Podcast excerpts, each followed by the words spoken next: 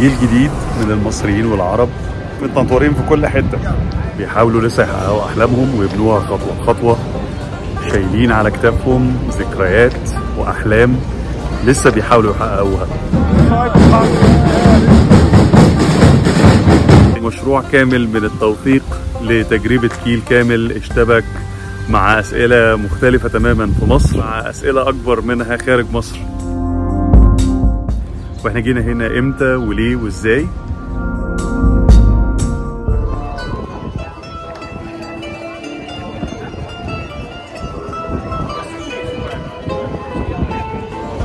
أنا هواري هواري ودي حلقة جديدة من مراجيح مولد النفط قصدي من بودكاست نفستي على العالم.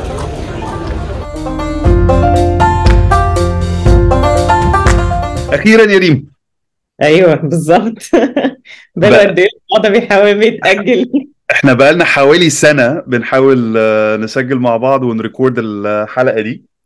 آه، بس كل تأخيرة وفيها خيره يعني. أيوه في حاجات كتير قوي حصلت في السنة دي أكيد هتخش جوه بودكاست آه، أهلا بيكم في حلقة جديدة من نافذتي على العالم. معايا النهارده صديقة عزيزة جدا جدا ريم عوني. ريم من أوائل الناس اللي أنا اتكلمت معاها إنها تبقى آه، مش بس ضيفة على حلقة من حلقات البودكاست. أنا كنت عاوز أعمل حلقات مشتركة ما بيننا كتير يعني وما زالت الخطة موجودة بس إيه نلاقي الوقت والمجهود بالظبط هنلاقي هنلاقي. آه، ريم آه، سبقتني ونزلت بقى بودكاست كامل. أو بودكاست series كاملة في خلال الفترة اللي فاتت دي وده غالبا هيبقى محور النقاش بتاعنا النهارده. يعني سلسلة من خمس حلقات. آه، يا رب ان هم إن شاء الله يزيدوا. أنا عارف إن أنت كنت عاملة خطة لخمس حلقات ما أعرفش قررت هنتناقش خلال ال discussion إذا كنت هت- هتزودي حلقات ولا لأ. آه، بس قبل ما نبتدي نتكلم على البودكاست الارشيف النسوي آه، عاوزين نتعرف الأول على ريم عوني. من هي ريم عوني؟ آه، من هي ريم عوني؟ سؤال آه، صعب. آه، آه، أنا ريم عوني آه، آه، طالبة دكتوراه في آه، جامعة Warwick آه، بإنجلترا. آه، بدرس في مدرسة العلوم السياسية في أو الدراسات الدولية في جامعة Warwick هنا في إنجلترا. آه، حاليا مقيمة في لندن.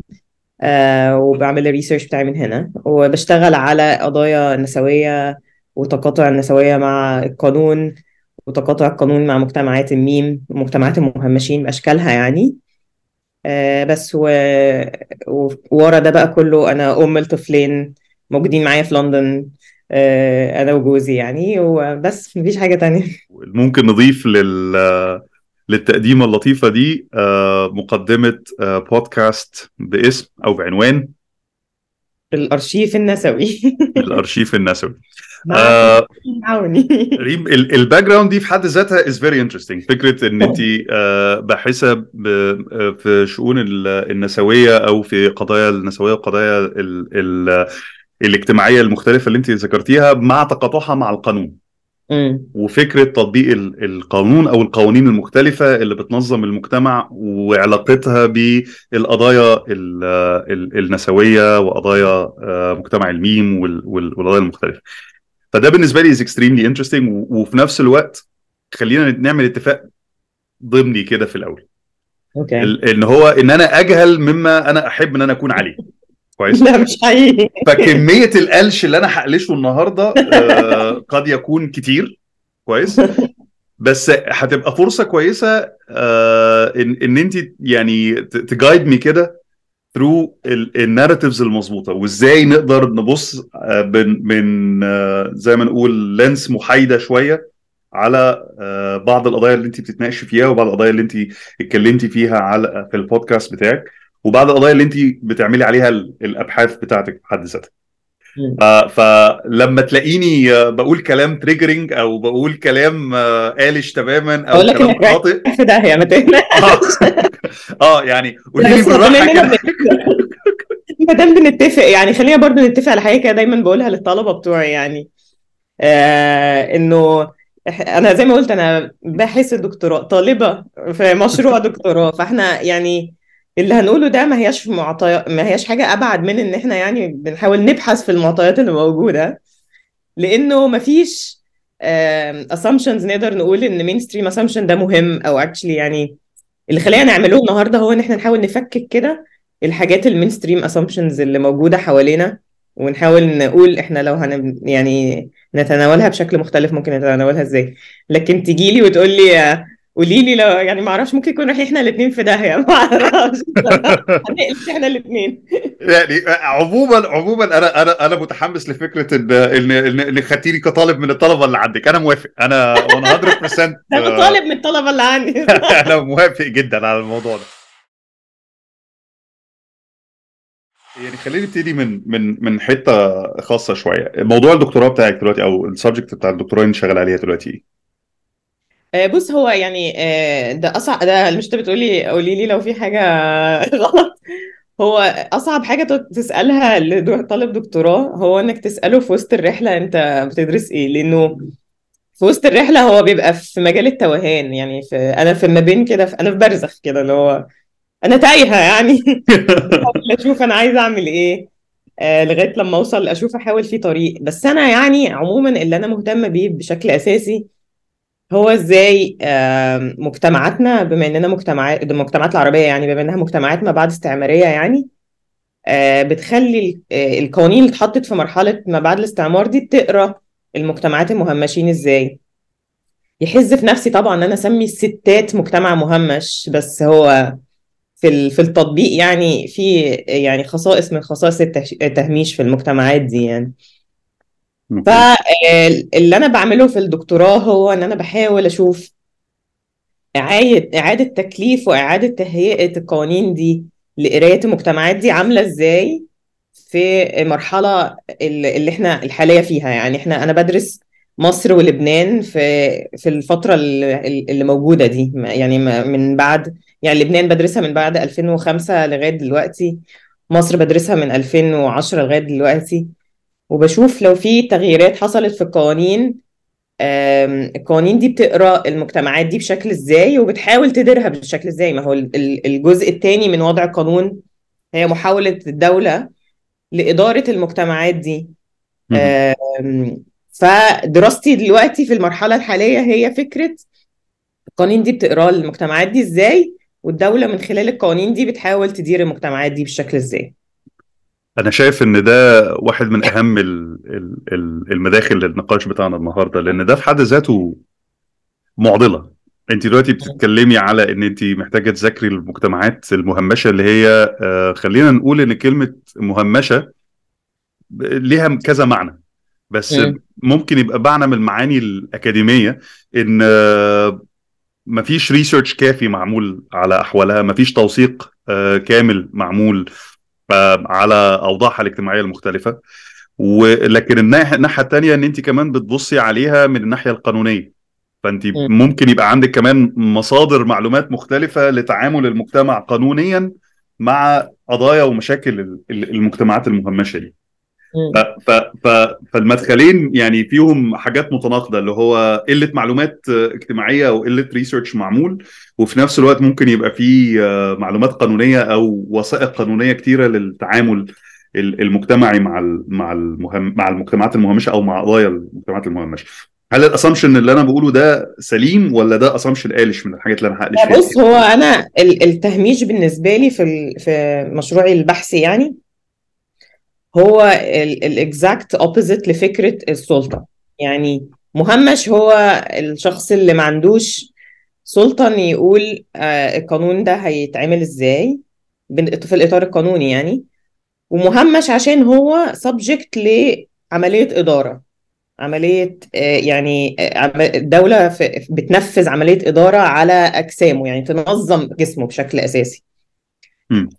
sorry خلينا ناخد مثلا من الأمثلة اللي أنا بحاول أدرسها دلوقتي يعني مثلا آه، في لبنان آه، في مادة اسمها مادة 534 من قانون العقوبات بتعاقب آه، blanket عقاب لكل آه، أفراد مجتمع الميم بتهمة ممارسة آه، يعني علاقات جنسية آه، خارج إطار الطبيعة آه، وحبسها مدته سنة يعني. القانون ده مثلا اتحط في وقت الاستعمار الفرنسي. فهو مجتمعات الميم في وقت الاستعمار الفرنسي ما هي ما كانتش السلطة الوطنية اللي بتحاول تحارب حتى المستعمر الفرنسي. يعني مم. المجتمع الميم ده كان يعني تحت طبقة فوق طبقة فوق طبقة تحتها حد مستعمر بيتناقش مع مستعمر مع اللي استعمره على وضع قانون. فهو كان أكيد مش آه، صاحب سلطة في اللحظة دي. بالعكس هو سبجكت للسلطة دي. يعني فكرة التهميش بالنسبة لي هي آه، آه، أي حد أي فرد أو مجتمع ما كانش عنده صوت في وضع الإطار القانوني اللي بيحكمه في وقت. فلاني. آه، فده مثلا في لبنان. في مصر في أطر كتيرة قوي قوي قوي بتحكم المجتمعات المختلفة من النساء ما هماش برضو كان ليهم أي صوت في وضعها يعني مثلا لو جينا نقول حاجة يعني ironic خالص مثلا زي قانون الاتصالات اللي بي... اللي اتطبق في قضايا آه، فتيات التيك توك مثلا دول بنات إلى حد نسبة نسبة كبيرة يعني مهمشين في المجتمع as in هم مهمشين طبقيا أصلا يعني هم. بنات من من طبقة آه، وسطى قوي أو يعني طبقة أقل كمان من وسطى بيحاولوا يصعدوا اجتماعيا من خلال استخدام applications يعني دولة يعني قررت إنه إن هم بي violate وا قيم المجتمع آه، بإطار آه، قانوني اللي هو قانون الاتصالات. فأنا ال- دراستي مثلا ممكن تقوم على فكرة إنه أفهم القانون ده أصلا شايف البنات دول بشكل إزاي هو رسمهم إزاي؟ ما هو اللي بيحط القانون ده بيقعد يتخيل كده مع نفسه هو ال subject اللي أنا بحاول أحكمه ده عامل إزاي؟ أنا مهتمه قوي بالرحلة دي. هو ال ال ال اللي حط القانون ده تخيل إزاي ال الست البنات اللي. هيبقوا subject للقانون ده أو ما تخيلهاش. ما هو أصل في الآخر اللي حط قانون الاتصالات مش لازم يكون كان متخيل إن هو هتطبق على بنات التيك توك خالص. بس يعني في حاله إن هو تخيلهم. وجزء تاني من الدراسة بتاعتي هو فكرة التقاضي بقى تحت القوانين دي. اللي هو المجتمعات بقى مجتمعات التقاضي في مصر وفي لبنان اللي هي مجتمعات واسعة يعني من محامين وباحثين واكتيفيستس وناس كتير قوي وخبراء بيشتغلوا على إنه يديروا حوار مع آه، مع القاضي أو يديروا حوار مع ممثل الدولة اللي بيطبق. القانون ده على أرضية إحنا شايفين الناس دي إزاي شايفين حياتها إزاي ومتخيلين يقدروا يعيشوا إزاي في في مصر. تحت ظل القوانين دي فانا البحث بتاعي بالظبط عن الحوار ده. القانون يتخيل المجتمعات دي إزاي والرد عليه أو ال engagement مع ال dialogue ده عامل إزاي من خلال مجتمعات تانية. هي برضو في نفس الوقت ممكن يتطبق عليها نفس التعريف اللي بقوله لك بتاع التهميش. يعني هي مجتمعات ال... ال- المجتمع المدني في مصر ولا لبنان لحد كبير مجتمع مهمش. آه ممكن بياخد قسط من السلطة في لحظة من اللحظات. زي دلوقتي مثلا في الحوار الوطني عندهم سلطة انهم يقدروا يطلعوا يتكلموا. بس يعني في إطار ال... ال... الأوسع يعني لا ما همش اصحاب سلطة يعني. أنا في كلمات كده قاعد قاعدة بترن في وداني اللي هو تخيل القانون وسيطرتهم على. حاسس إن في فوكو في ال... في ال background آه شوية طبعا طبعا. أنا يعني أنا يعني قلت الدكتوراه بتاعتي كلها قايمة على يعني concepts معينة في الدراسة ال Foucauldian يعني. أوكي. آه بتناول مثلا القانون ك ك technology of power في إيد آه government government يعني الدولة أو الرجيم اللي حواليها اللي, بيحكمها يعني. وبشوف برضو ال ال التقاضي ك act of counter conduct بيصير تساؤل في وسطنا.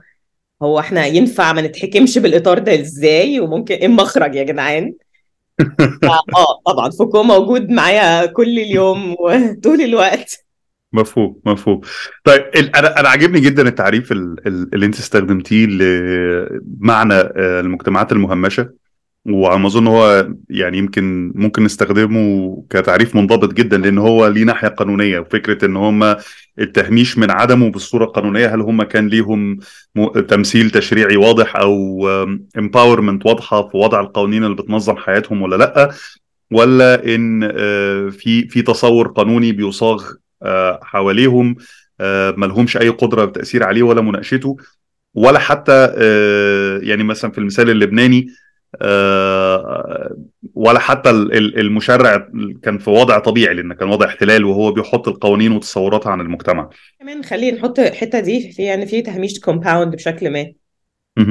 لأنه إحنا زي ما بقول لك دي مجتمعات ما بعد الاستعمار. أنا مش مع فكرة أو مش بشوف إن القوانين اتحطت في ظل الاستعمار دي اتحطت من فوق علينا من تحت خالص يعني بشوفها نتاج برضو زي ما بقول لك كده لحوار ما بين مستعمر وما بين آه، سلطة national سلطة وطنية بتحاول تدفع ال ال الاستعمار لبعيد. ده كان موجود الحوار ده موجود في كل الدول الاستعمارية يعني آه، اللي استعمرت سوري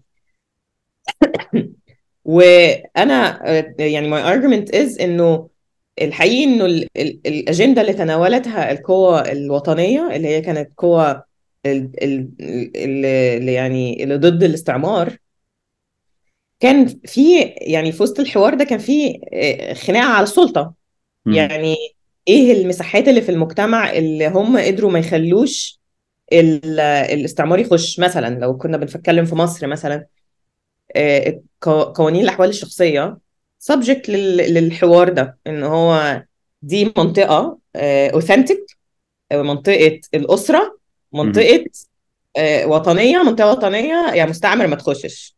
فاحنا هنحط الإطار بتاعنا زي ما إحنا طبعا influenced بوجود الاستعمار بس. قصدي هو كانت برضه لازم يتبص على القوانين دي كأنها جزء من خناقة السلطة الأوسع شوية. أوكي. فالقانون ده لما اتحط رسم برضو سلطة ل- لل- للسلطة الحاكمة ما بعد الاستعمار. فلما الاستعمار مشي بقى أصل حكم آه، آه، ال- ال- ال- ال- السلطة الوطنية هي الأطر المجتمعية دي. إن هو هي بيبص للمجتمع ك entities units كاملة. يعني مم. أب وأم وأطفال أب وأم وأطفال. ال- ال- المساحات الفردية دي ما كانتش موجودة أصلا في النقاش فهم ما كانوش عارفين يحكموها إزاي. يعني عشان كده مثلا هتلاقي في الدستور المصري ال- اللي هو وحدة المجتمع هي الأسرة على طول. يعني آه. طب أنا لو ما اتجوزتش يا جماعة فرد أنت هتحكموني مش من وحدة المجتمع. أنت مش وحدة أنت مش آه. موجود. أنت جزء من وحدة بايظة فيعني ما إيه؟ طيب في لبنان ده كمان معقد أكتر لأنه كمان الأسرة دي مش أسرة واحدة بقى. دي أسر مختلفة بأديان مختلفة بمحاصصة بقى في سيستم محاصصة. فأنت هتحتاج اتخانق معاك بقى. على إنك طالع مش بس من إطار الأسرة أنت طالع من إطار بقى السكرتاريان ريجيم فالخناقه معقدة أكتر شوية. اللي حاصل في الوقت اللي أنا بحاول أدرسه يعني هي محاولة إعادة تهيئة القوانين اللي هي الأساسية دي يعني إنه في حاجات خبطت في فكرة سلطة الدول الدولة في السيطرة على الأسر. مم. إنه بيشوف المجتمع إزاي ما بقى في أفراد أفراد عندها مطالب مختلفة. فحصل ربكة. في في البلدين بالذات حصل ربكة. وحاولوا إعادة تهيئة سواء بقى لتعديل القوانين أو وضع قوانين جديدة أو تنفيذ القوانين بأشكال مختلفة. مفهوم. ده, ده اللي بحاول أشوفه إن هو يعني إزاي الدولة قررت طب أنا كده بخسر سلطتي هرجعها إزاي؟ انت قلت إنك في برزخ فلسي إن ده الرينج أو النطاق اللي أنت بتشتغلي أيوه. فيه في في ال في, ال في الدكتوراه بتاعتك. إيه اللي جاب بقى فكرة ال- البودكاست؟ وإزاي بدأت فكرة البودكاست؟ و و وكان إيه تصورك وانت بتحضري للبودكاست دوت من إن إيه ال objectives اللي كنت حاطاها في دماغك؟ إيه ال dynamics اللي كنت متوقعاها؟ وخدينا كده في ال- في البداية على الأقل. الفكرة دي جت منين والتحضير كان ليها إزاي؟ بص هو فكرة البودكاست نفسها اتغيرت واتشكلت. يعني ما ما كانتش من الأول يعني ما كنتش من الأول كده عايزة أقعد أعمل بودكاست خالص. يعني هقول لك أنا آه، البودكاست ده نتاج لفيلوشيب زمالة اخذتها من مبادرة الإصلاح العربي. لما جيت أقدم للمبادرة مبادرة الإصلاح العربي يعني ما كانش ده مشروع خالص. المشروع كان أوراق بحثية عادي بالشكل التقليدي. يعني كلها برضو عن القضايا اللي بتهمني بس برضو كانت بشكل ال outputs يعني كانت شكلها تقليدي إلى شكل بحد كبير. واتقبلت. وعلى ما بين القبول وبداية التفكير بشكل عملي في الخطة دي يعني كان في وقت اجتماع كده عندنا إن هو طب قولوا لنا عمليا و timeline بقى هتعملوا إيه؟ مم. بدأت أحس إنه لأ أنا مش عايزة آه، أقعد أكتب بس ومش عايزة أنشر بالشكل ال- العادي. أنا بفكر أعمل بودكاست تزامن بقى التفكير في البودكاست ما هو كل حاجة بتمشي بقى بشكل بينترسكتوا مع بعض بس بيمشوا بشكل بارلل في شكل وقت معين. بارلل للوقت اللي أنا كنت بعمل فيه البلان كنت في أول سنة في الدكتوراه. وكان جزء برضو من مشروع الدكتوراه بتاعي هو إعادة تفكير في إيه اللي أنا هدرسه. آه، مهم. أنت برضو في إنجلترا هنا بتقدم الدكتوراه بمشروع مركز أنا عارف رايح فين. وبعد كده تيجي في أنا مسيطر. أنا مسيطر على كل آه آه حاجة. لازم. يعني لازم عشان تقدم في إنجلترا أصل مش أمريكا. أمريكا أنت بتبتدي الطريق من الأول. هنا في. إنجلترا عايزينك جاهز. أنت عارف أنا جاي ناشر أنا جاي ناشر الدكتوراه بتاعتي أصلا بس جاي أمضي. ده حقيقي يعني هو جزء من إن أنا اتقبلت في الدكتوراه هو إن أنا كنت ناشرة برضه يعني. بس قصدي إن هو بيقبلوك بعد كده يعملوا معاك اجتماع يقول لك إيه ارمي بقى ده كله في الزبالة. أنت عايز تعمل إيه بقى؟ أنا لينا تصور تاني خالص على اللي أنت عاوز تعمله آه ده. وتكتشف إن في السنة دي أنت بتوصل لحاجة تانية خالص خالص خالص. يعني لو قعدت كده أقارن الحاجات اللي أنا عملتها السنتين فاتوا بمشروع الدكتوراه هضحك يعني ملوش أي علاقة باللي أنا. آه، باللي أنا بشتغل عليه دلوقتي فكان جزء منها برضو إعادة تفكير في إيه اللي أنا عايزة أعمله في الدكتوراه وكانت وكانت دي البداية يعني إن أنا في لحظتها فكرت إنه أنا حاسة إنه في رواية معينة موجودة آه، في كل ال literature يعني اللي بيتكلم على ال- الحراك النسوي في المنطقة العربية بتربطها بشكل أساسي بحركة MeToo. يعني في كتير كتابات كتاب كتير قوي قوي بتسطح كده تجاربنا عشان تقول إن إحنا كلنا extension لحركة مهمة. بالنسبة لي حركة MeToo دي حركة مهمة جدا. وكسرت حواجز مهمة جدا. بس لا هي اتحطت في نفس السياق اللي إحنا بنتكلم عليه دلوقتي ولا هي مثلا نفس الأفراد ولا هي يعني كان يمكن الحاجة الأساسية اللي واضحة لي هو إيه اللي بي connect them هو استخدام السوشيال ميديا ال excessive يعني؟ إنه إن في يعني اعتمادية بشكل أساسي على السوشيال ميديا في الطريقتين في في في العمل ال- النسوي يعني بس ده برضو سهل قوي to argue against لأن هو الحقيقي إن العالم كله بقى على السوشيال ميديا يعني هو إحنا السوشيال ميديا ده parallel أو مش parallel هو ال public sphere دلوقتي. يعني إحنا. بنتكلم في إيه؟ ف... فده كان من هنا جت الفكرة إن هو طب أنا عايزة أ- أبتدي أتناول الحتة دي في ال... في المشروعين. يعني عايزة أبتدي أشتغل في الدكتوراه على تفكيك فكرة إن إحنا حراكنا النسوي شبه حراك بره علشان طبعا ال... ال... يعني يعني بجد اللي كان مهم بالنسبة لي هو إن أنا portray قد إيه ال wave اللي حصلت في 2020 دي كانت مهمة جدا للحراك النسوي في مصر.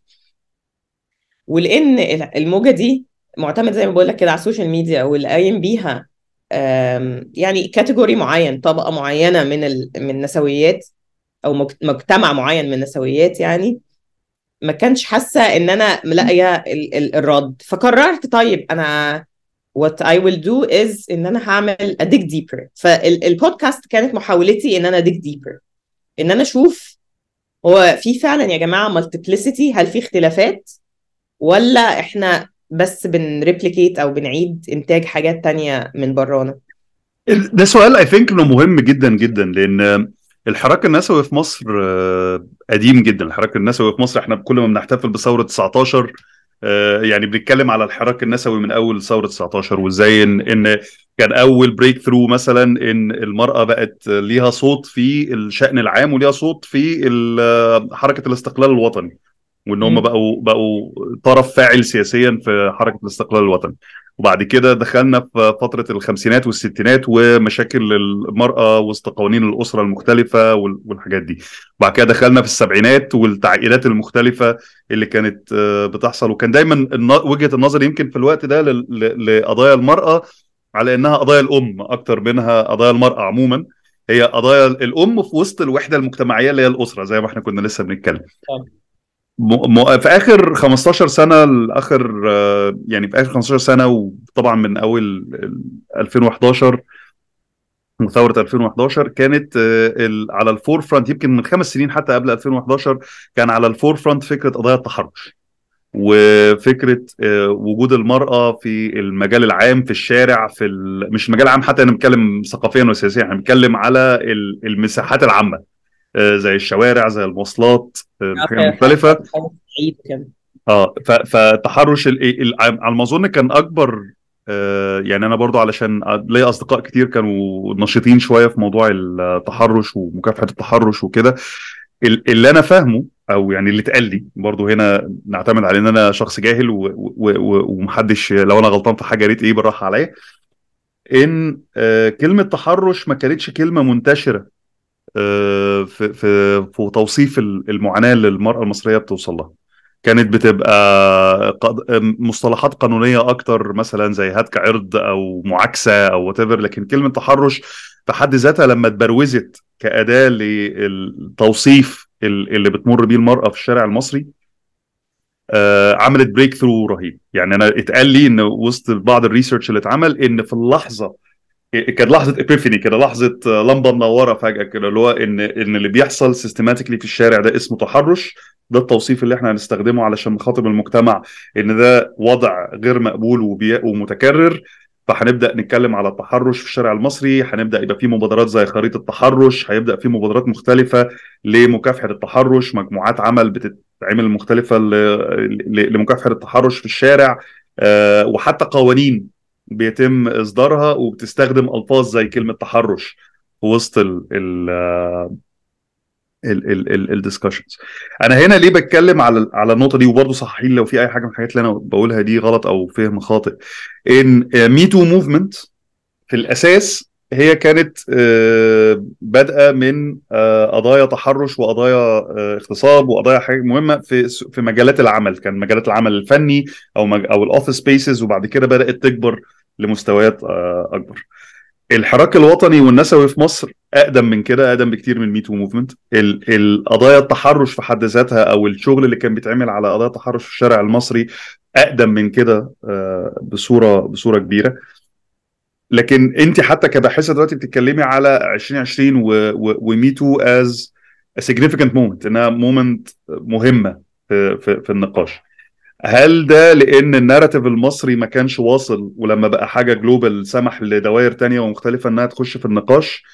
هل تم أنت من وجهة نظرك إن تم اختطاف السياق المصري وال وال والمعاناة أو ال- ال narrative اللي, اللي الشارع المصري كان بيواجه فيه القضية دي لصالح ال- التعريفات بتاعت Me Too أو الأدوات بتاعت Me Too؟ يعني هل دي حاجة؟ يعني مم. كلها بعض اللي أنت بتقوله طبعا valid بس هو الحراك النسوي آه، في قضايا التحرش في بره برضو من من زمان جدا يعني ما احناش أقدم وخلاص. هي الموضوع مش timeline أنا عايزة أرجع بس لحاجة أهم من اللي أنت قلته اللي أنت قلته ده جدا. فكرة ال coining بتاعت التحرش يعني هو ده بالظبط اللي أنا كنت بحاول آه، يعني أدرسه إن هو الخناقات على المسميات دي خناقة مهمة جدا. يعني زي ما أنت بتقول كده القانون المصري مثلا مش بيوصف غير حالات الاغتصاب وهي حالات very limited م- متوصفة في القانون. أو في قانون جديد اللي هو في 2013 اتحط بيوصف التحرش. فأنت آه وقبلها كان اللي هو دي معاكسة يعني محاولات آه يعني للتقليل. آه للتقليل. يعني وأنت كست بقى المفروض تسكني تجربتك يا إما من هنا هنا هنا. مم. يعني هو القانون مشكلته إيه؟ إن هو بيحطك انت في موقع الشخص اللي لازم يقول أنا أنا بوصف دلوقتي حالتي إن هي آه، يا إما معاكسة اللي هو حاجة يعني ده ده عاقب عليها القانون. المصري. مين فينا ما تمشي في الشارع ما بتسمعش كلمة حلوة بتتبسط. ده. البنات بتحبها جدا وكده يعني. ويا إما اغتصاب اللي هو آه أنت كمان برضو عليك البيردن إنك تثبتيه. يعني اللي هو يا إما. تصوريه معرفش إزاي. يا إما يبقى عندك الأدلة المناسبة جدا وتبقي عندك قدرة إنك تفهمي التجربة اللي أنت بتعديها وأنت بتعدي بيها. ودي. أكتر حاجة مشكلة في القانون إن هو في حالات تحرش واسعة قوي اللي موجود فيها مش فاهم إن هو بيتحرش بيتم التحرش بيه أو يعني سياقها مش مش واضح ومش بيبان للأنس... لل... للست قصادها غير لما بيعدي عليه كذا يوم فلو عدى. عليك كذا يوم فأنت خلاص يعني أنت جاي دلوقتي حقك القانوني راح حقك جاي القانوني راح و... دلوقتي آه مش يعني مش. بتكلم على على على حق القانوني على قد ما حد مثلا في في سياقات تانية حقك بيروح فيها يعني. لو إحنا بنتكلم على حق على على سياق العمل مثلا ما انت آه، لو انت اشتكيتي مديرك في ان هو مثلا آه، اتحرش بيكي بعد سنة انت خلاص يعني آه، انت بتفضحي نفسك في وسط المجال العمل ده ومش بتفكري تعملي حاجة تانية وده حصل يعني في حدث في في مثلا صحفية مم. رفعت قضية آه، بسبب صحفي برضه رئيس التحرير يعني اتحرش بيها وانتهى بيها ان هي اللي دلوقتي ملهاش شغل والتاني بسم الله ما شاء الله مشهور يعني. فهو الخناقة على المسميات دي هي أصل ال ال ال ال ال الفكرة يعني اللي هو إن إحنا نخلق إطار تاني يبقى فيه آه، محاولة لوصف حياتنا وتجاربنا.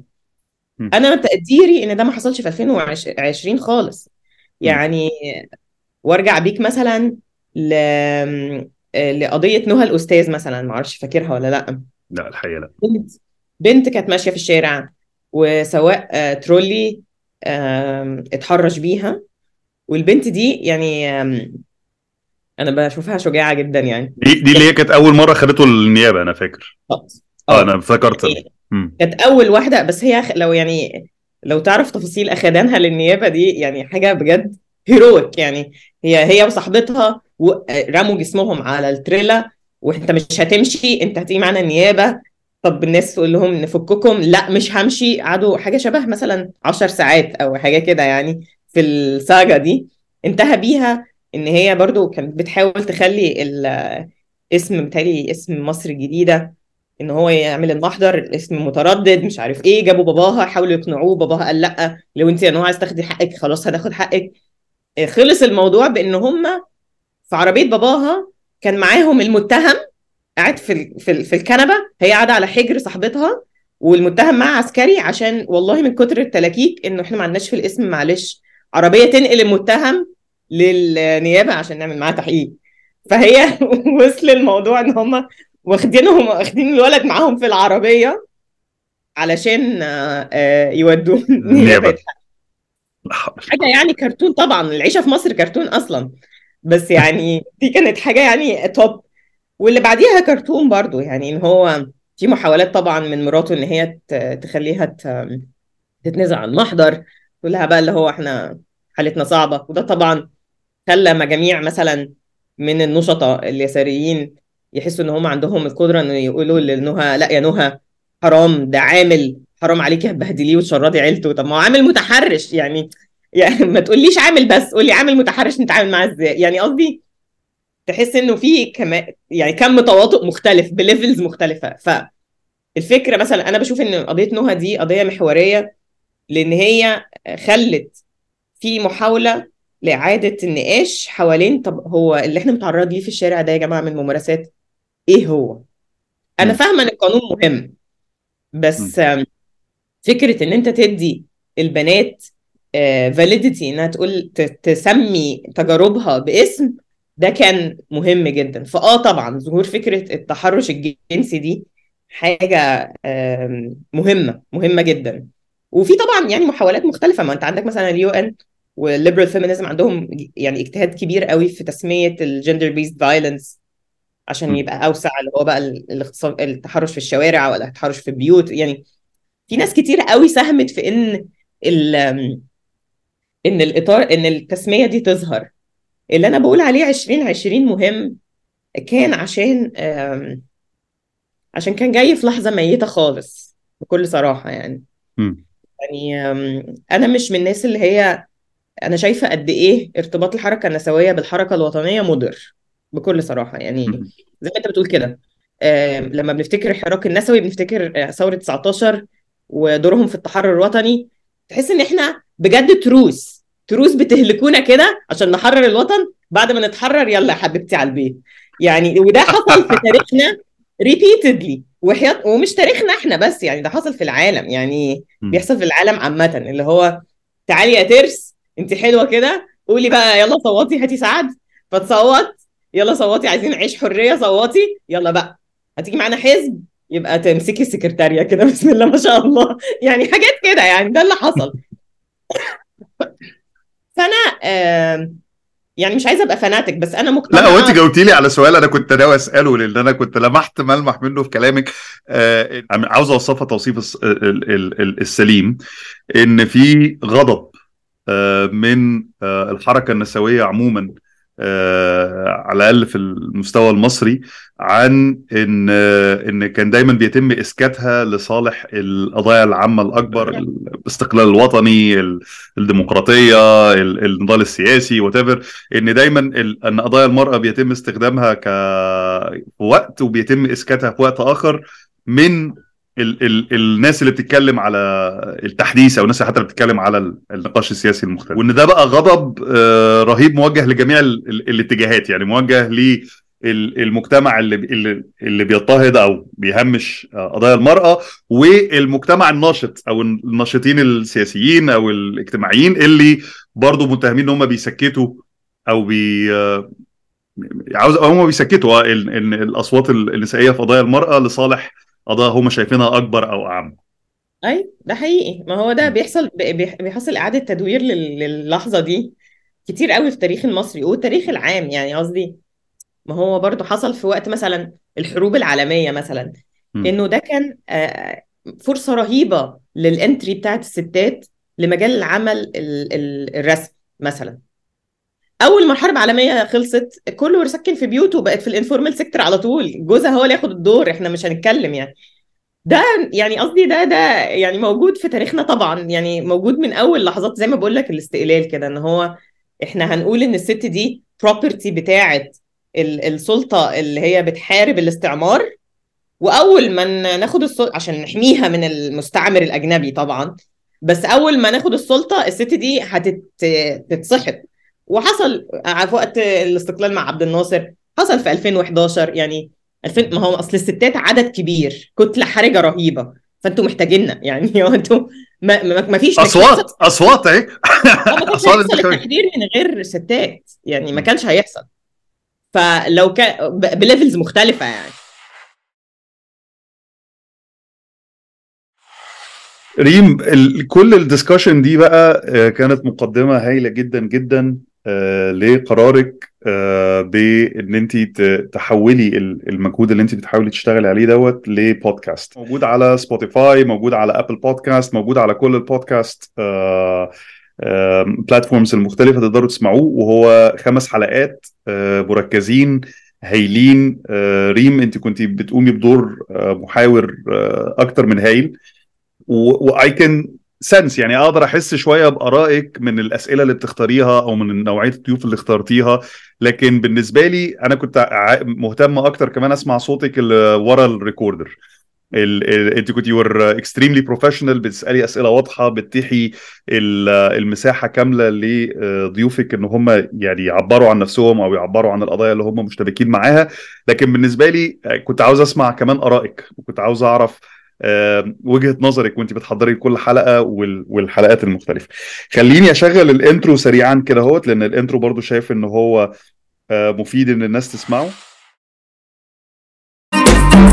بودكاست مبادرة الإصلاح العربي. أهلا. أنا ريم عوني وأنتوا بتسمعوا للأرشيف النسوي. الأرشيف النسوي جزء من جلسة بودكاست مبادرة الإصلاح العربي. أنا ريم عوني. زميل غير مقيم في مبادرة الإصلاح العربي. بسجل بودكاست الأرشيف النسوي من محل إقامتي في لندن. في الأرشيف النسوي هنتناول محطات مهمة في الحراك النسوي الحالي في مصر. من خلال عدد من اللقاءات مع فاعلات مؤثرة. أنت ب... ب... ال- البودكاست اولا هو بودكاست ناجح فألف مبروك عليه. أنا أنا ببارك لك على بودكاست أحسن من ناجح. و... واللي أنا فاهمه إن آلاف المستمعين already سمعوا ال... البودكاست. آه، عندك فكرة وصل لكام؟ عدى ال 10000 ولا لسه؟ لا يعني آخر حاجة كانت 7000 بس ما عنديش فكرة. يعني ده من فترة يعني ما بصيتش تاني. أنا سمعت الخمس حلقات أكتر من هايلين. آه، مركزين جدا اختيار آه، يعني ناجح و interesting جدا لل- للضيوف كمان ان هو آه، كان آه، على اظن range مختلف بيقدم صور مختلفة للحراك النسوي في مصر. من وجهات نظر مختلفة من professional levels مختلفة آه، الحقيقة كان أكتر من ممتع. وبرضه يعني يجب أن أعترف إن كراجل كان بيجيب لي panic attacks يعني أنا جالي كمية panic attacks وسط ما أنا بسمع الحلقات و I think إن ده ما قللش استمتاعي بيها يعني مش عاوز أقول لل- لل- للرجالة تسمع لأ actually هو مهم إن مش بس الستات اللي تسمع البودكاست مهم جدا للرجالة كمان إن هم يسمعوا البودكاست ويفهموا من وجهة نظر ال- العاملين على القضايا دي إيه اللي بيحصل إيه التفاصيل إيه اللي ورا الكواليس عشان ساعات كتيرة قوي ب... ب... إحنا بنسمع الحوار على السوشيال ميديا أو بن... بنخش في قلب الموضوع على السوشيال ميديا من غير ما يبقى عندنا. يعني خلفيات مهمة عشان نبقى قادرين نفهم ونتفاعل بصورة سليمة مع ال... القضايا. خديني بقى ثرو الرحلة وانت بتحضري بعد ما انت خدتي قرار ان الشغل اللي انت تعمليه ده محتاج يتحول لبودكاست. آه، اللي هو ممكن إيه من ال- اللي أنا كنت بقول لك عليها موضوع محورية 2020 مهم. يعني هي آه، الحقيقي إنه البودكاست جاي برضو يعني inspired by ال- الحراك بتاع 2020 اللي هو كان موجة واسعة قوي من الحراك النسوي في مصر. شقلبت حاجات كتير مهمة بالنسبة لي يعني. أولها هي إن هي جت في لحظة صمت رهيبة. يعني هي جت لحظة فيها كوفيد فكل الناس ميزة وعيب يعني. طبعا الدنيا هادية خالص خالص خالص. آه، بس كله glued للسوشيال ميديا. فكون إنها تبقى يعني حركة على السوشيال ميديا دي كانت مكسب كبيرة ليهم يعني وكان جاية في لحظة ما بعد إحباط رهيب للحركة النسوية آه، في شركائهم الوطنيين يعني إن هو كان في محاولات كبيرة قوي من الحركة النسوية إنها تزق وتدفع. لعمل عام مشترك يعني وانتهى بإن هم شويتين sideline فمنهم اللي, اللي انسحب ومنهم اللي صرخ وانسحب ومنهم اللي. صرخ صرخ صرخ وانسحب يعني منهم محاولات تجارب مختلفة بس انتهى إنه قبل 2020 الدنيا كانت هادية خالص يعني. وفجأة آم، الحراك النسوي صحي. يعني فجأة طلع موجة يعني أنا فاكرة لسه صيف 2020 ده يعني بحاول أفتكره وما أفتكروش في نفس الوقت يعني لأن هو كان صيف مؤلم يعني بالنسبة لي. م. كست وأظن إن هو كان يعني مؤلم لستات كتير مصريات يعني. أنا فاكرة لحظة إن أنا بشوف الشهادات ضد الطالب أحمد بسام زكي. ومش كنتش بنام الليل. يعني بجد بجد ما كنتش بنام بالليل. يعني أنا فاكرة في مثلا 3 4 أيام. لا يعني اتلضموا في بعض كده من كتر ما أنا مش عارفة أنا نايمة ولا صاحية ولا. وطبعا يعني يعني الواحد وتجاربه برضه بتجره. يعني. اللحظة دي كانت لحظة مؤلمة لأنها فجأة كده صفرتني للحظات. الواحد كان الواحد بيحاول يعديها بأشكال مختلفة يعني. م. و- وشاف قد إيه كل حد متورط يعني. ال- الشهادات آه كانت ضد طالب مدرسة ودلوقتي جامعة. من الواضح إن هو يعني مش ذكي بأي شكل من الأشكال لأن هو ساب على نفسه مئات الأدلة. م. آه، في مدارس وجامعات وكلوبز يعني بجد ما سابش حد. آه لأن هو لأن لأن هو ببساطة جدا مش خايف من أي نوع أنواع الإدانة ولا خايف من أي انواع يعني هو مش على باله أصلا يعني هو بيهدد الناس بيقول لهم باين في ورق التحقيقات كانت حاجة مسخرة اللي هو حد واجهه بنت من البنات واجهته وقالت له قال لها أنت ما تعرفيش تعملي حاجة أنت مش عارفة أنا بابايا مين وعمي مين ده إحنا كلنا في الجيش وإحنا كلنا في السلطة ومش عارف إيه. طبعا هو ساذج يعني اللي هو حتى لو أبوه في شركة اتصالات مهمة بالنسبة للنظام مين اللي هيغطي قضية زي كده؟ يعني هو أنت. يا ابني لو مين برضه يعني مش للدرجة دي يعني ال scale آه. رهيب.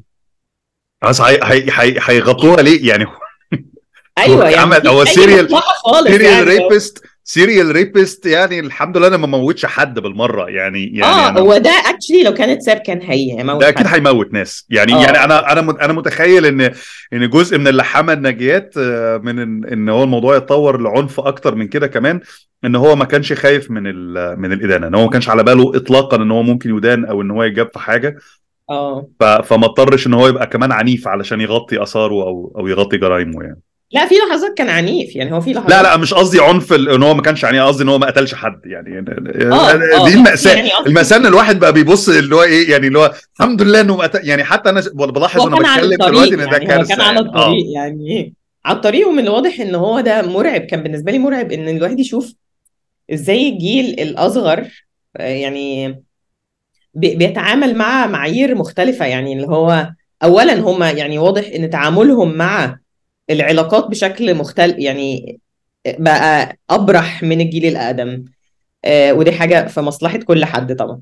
بس قصدي إنه كمان آه، زي ما بتقول كده ال impunity بقت لغة عادية يعني لغة دارجة كده. هو حاسس إن أنا مسنود فمحدش هيقدر يجيبني فاطيح في البني آدمين. المهم يعني إنه ال ال ال ال الشهادات كانت أظن إنها مست قطاعات مختلفة من من من الناس لأن هي ابتدت آه ما بين في إطار مدارس خاصة وجامعات خاصة و clubs exclusive وأسبانيا ومش عارف إيه. فطبعا ال mobilization الأساسي كان في إطار ال- الطبقة العليا والطبقة الوسطى العليا يعني. بس هو الحقيقي إنه ده كان trigger وطني يعني كان national trigger كبير للستات. هو parallel لحملة أحمد بسام زكي ظهر مئات من ال- الشهادات بقى. ناس عمالة تتكلم بقى على عمي اللي اغتصبني وخالي اللي اغتصبني ويعني حاجات كده بقى اللي هو تحس إنه كل حد حس إنه القضية بتمسه. يعني كل حد حوالين يعني كل الستات قصدي يعني حست إنه لأ ده وكانت لحظة كاشفة يعني لأنه بدأ يبان قد إيه في كل المجتمعات الظاهرة دي موجودة ظاهرة التحرش يعني. فعشان كده بقول لك كانت مهمة بالنسبة لي. كنت حاساها دايما كده آه، نقطة في صمت كبير. يعني صمت كبير والصراحة يعني مش عايزة أبقى فاناتك طبعا بس أنا تقديري إن اللحظة دي عملت موجة أوسع للحراك العام عامة. يعني بدأ ي- يعني عادي بقى عادي إن إحنا يبقى في campaign online ده ما كانش موجود قبلها. عادي إن إحنا بنتكلم على إنه فين الدولة ما تحمي البنات ما كانش قبلها. يعني في نقاشات في صلب الديمقراطية كانت غايبة في المجال ده في مجال العام وحركة 2020 inspired it sparked it كده فبالتالي يعني كان مهم بالنسبة لي في في البودكاست هو إني أشوف طيب هو أثر 2020 دي عامل إزاي وكان جوايا إحساس في رحلتي البحثية يعني إنه لأ هي أوسع من ال- ال frame اللي محطوط لها أوسع من إن. هو إطار اللي إحنا ميتو حصلت بره فإحنا جايين نقول Me Too هنا. إحنا عايزين برضو التحرش يبطل في مصر عشان إحنا حلوين وطبقة عليا وكويسين وكده. هل أنت شايف إن إن الدوائر أوسع من المجتمع ومن السلطة ومن الحكومة؟ تفاعلت أسرع مع مع القضية أو تفاعلت أسرع مع الموجة بتاعت Me Too باعتبار إن كان في غطاء دولي ليها إن هم ما كانوش حاسين إنها حاجة that is extremely local. فيبقوا قلقانين منها. دي موجة عالمية كل الناس بتمر بيها. ف- ف- فعندهم بقى عندهم أريحية أكتر مثلا للتعاطي معاها. آه، م- م- مش يعني مش عارفة إجابة direct للسؤال ده. يعني ممكن نسأل و- وكيل نيابة ولا حاجة. بس يعني قصدي من ال interviews اللي أنا عملتها يعني هو ال- الأرشيف ده مك... الأرشيف النسوي البودكاست يعني. مم. كان نتاج لعمل رحلة بحث. أنا منها طلعت حاجات uh, written output يعني حاجات منشورة. فعشان. كده مثلا عملت interview ز مع الناس اللي, اللي قامت ب- بحملة آه، الحملة ضد آه، أحمد بسام زكي قابلت محاميين اللي كانوا involved مثلا فكانوا بيتكلموا على إنه وكلاء النيابة أول مرة يشوفوهم بالشكل ده من التعاطف مم. يعني أول مرة يشوفوا وكيل نيابة بيقول لها بيقول للبنت مثلا الشاهدة بصي يا بنتي انت لو هتقولي إيه عملتيه ما فيش حاجة هتطلع بره الأوضة دي ده مش ال practice المتعارف عليه مثلا في وكاله في وكلاء النيابه ما بين وكلاء النيابه يعني. مم. آم، آه، اللي هو انت زي بنتنا ال rhetoric ده كان حاضر جدا في ورق التحقيقات بتاع أحمد بسام زكي. إن هو أنا أنا بحميكي عشان انت زي بنتي هو برضو خد بالك هو يعني مشكلة بس أحمد بسام زكي إن هي آه، خضت ال- القضاة والوكلاء النيابه لأن هي حصلت في مدارس عيالهم يعني إن هو في حسوا إن. هم اللي مهددين حسوا إن هم اللي مهددين شخصيا. آه وحسوا إن عيالهم كل اللي هم بيعملوه علشان عيالهم كل ال- ال- ال- التأمينات اللي هم متخيلين إن هم بيعملوها لعيالهم تم كسرها في لحظة بالظبط الغطاء فاصبحوا مطالبين بالفعل هو في شخصية. كده حاسة إن الغطاء الطبقي ده مش هيحمينا ده إحنا. وإحنا في compound أغلى compound في القاهرة هيتحرشوا بعيالنا. فعشان كده كان في آه، هوجة رهيبة وطبعا عشان إنه زي ما بقول لك هي القضية دي عملت زي national trauma كده اللي هو awakening واسعة قوي للناس كلها حست إنه مش هينفع إن نجيب أحمد بسام زكي غير إن هو عيل أهبل طبعا وممسوك عليه 500 أدلة. بس يعني قصدي كان عادي إنه ممكن في يبقى في ناس بتحاول تساعد إنه يعني أهله مثلا حاولوا يترمخوا على القضية بكتير بدلوا موبايله بموبايل حد تاني مامته باين ولا حاجة كده. يعني واضح إن هما كان في محاولة محاولة للتلاعب وفي ظروف تانية كان ممكن محاولة التلاعب دي تنجح يعني. بس آم، بس هو اتمسك لأنه الحملة كانت واسعة حملة مست بني آدمين كتير. اللي أنا بقى الأرشيف كان طيب هي لو أنا بقول بأريحية كده القضية دي مست ناس كتير. هو ال- الحملة بتاعت 2020 انسبايرد إيه من بعدها؟ كحملات أو عم- عمل سياسي. وهو جه من كده فكرة الخمس حلقات إن هو في قضايا محورية زي قضايا قانون الأحوال الشخصية مثلا النقاش عليها كان طول الوقت يعني بيتحط ما بين الدولة وما بين آه، آه، شيخ الأزهر يعني هو. الستات ما كانتش في في ال equation يعني آه ممكن ستتين ثلاثة اللي موجودين في البرلمان يقولوا لا ما يصحش وقالوا لهم لا صح والقانون يعني عادي مم. فالحملة الواسعة بتاعت الولاية حقي مثلا أنا ب contributed لل offshoot بتاع 2020 آه. حملة أحمد بسام زكي كانت ضد التحرش والعنف الجنسي أو الجسدي تعرض الستات أجسامها يعني لل- للعنف آه بس ما كانتش بعيدة قوي عن ال rhetoric اللي حصل في حملة الولاية حقي طبعا زي ما بقول لك كده في extension موضوع اللي هو ال social media كأداة لل... لل... لل... للتنظيم النسوي يعني. بس كان في فكرة إنه إحنا خلاص كل ال- الأطر اللي محطوطة لنا مش قابلين بيها يا جماعة خلاص. ولو أنتوا هتكلموني لقد طفح الكيل لقد طفح الكيل من الجميع. آه بالظبط آه. وكان وأنا بالنسبة لي what I find very interesting وانسبايرنج في حملة الولاية حقي هو إن هي حطت الخناقة على أرضية مدنية جدا. يعني حطيتها على أرضية إجراءات قانونية يا جماعة. أنا. دلوقتي عايزة أبعت آه، آه، آه، أفتح حساب بنكي لبنتي. مظبوط. مش عارفة أفتحها. الإجراء الحاجة الحالة الإجرائية دي خرجت ال- الحملة من ال- اللغط بتاع اللي هو ده قانون وشرع وما نقدرش و... و... يعني it, it was very inspiring ليا. فالحاجات دي كلها كانت بالنسبة لي محاولات ما بعد 2020 لإحياء بقى مجال عام ميت شوية. فالأرشيف ده هو بيأرشف لمعارك معينة أنا شايفاها من وجهة نظري كباحثة كانت محورية في عملية إحياء المجال العام في مصر. آه طبعا آه، هي في صلب آه، شغلها قضايا نسوية بس بشكل كبير هي كلها مطالب مطالب ديمقراطية. مم. يعني ال- ال- آه، تحقيق العدالة للستات في قانون الأحوال الشخصية دي مطلب ديمقراطي. إحنا عايزين مساواة يا جدعان. ABC democracy مساواة. يعني كل الحاجات دي فيها يعني حتى مثلا الحمل الحلقة اللي أنا بتناول فيها آه، لجان التحقيق جوه ال- المجتمع المدني. دي برضو ABC democracy جوه المجتمع المدني. عايزين مجتمع مدني ديمقراطي يا جماعة يبقى فيه أطر شكوى للناس اللي بتتعرض للتعديات.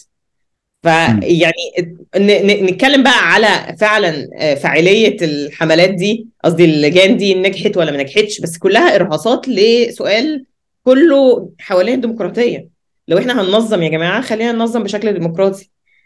ف فالأرشيف كده. هو الأرشيف النسوي عبارة عن اشتباكات نسوية هدفها كله إحياء ال- المجال العام في مصر.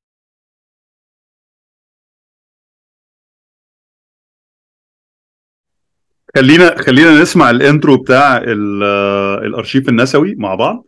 طبعا الصوت مش هيبقى واضح دلوقتي بس أنا هظبطه في ال في ال editing علشان أنا شايف إن ال intro اولا حلو جدا آه ثانيا آه أنت بتعرضي فيه برضو ال- ال- الجزء اللي أنت لسه قايله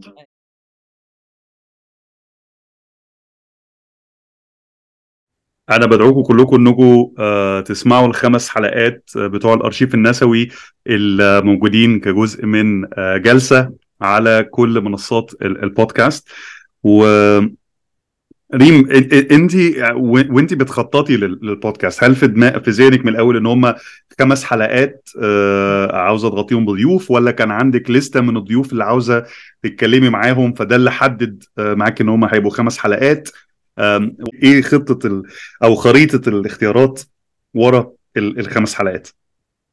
يعني بص هو كان آه، يعني من أول ما كان متهيألي كانوا خمسة أو ستة. يعني أنا كنت حابة إن البودكاست سيريز تبقى قصيرة كبايلوت يعني كمحاولة إن إحنا نقول طيب يا جماعة لو هنأرشف الاشتباكات النسوية ن- مبدئيا ده اللي موجود. بس متهيألي كانوا أكتر.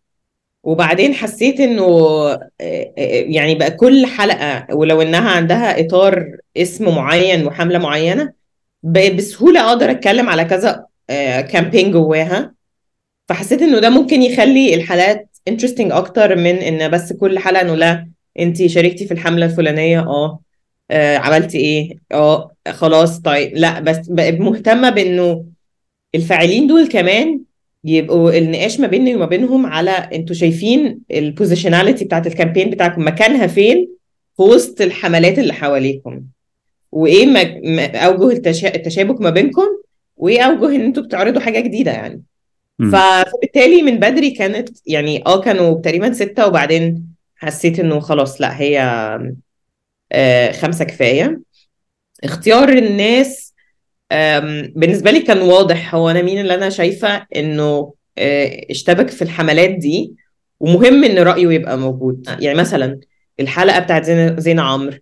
هي زينة مش نادين اللي عملت اسالت بوليس بس زينة كانت من عشان كده بقول لك كل حلقة بتتناقش مع كذا آه، كذا آه، قضية.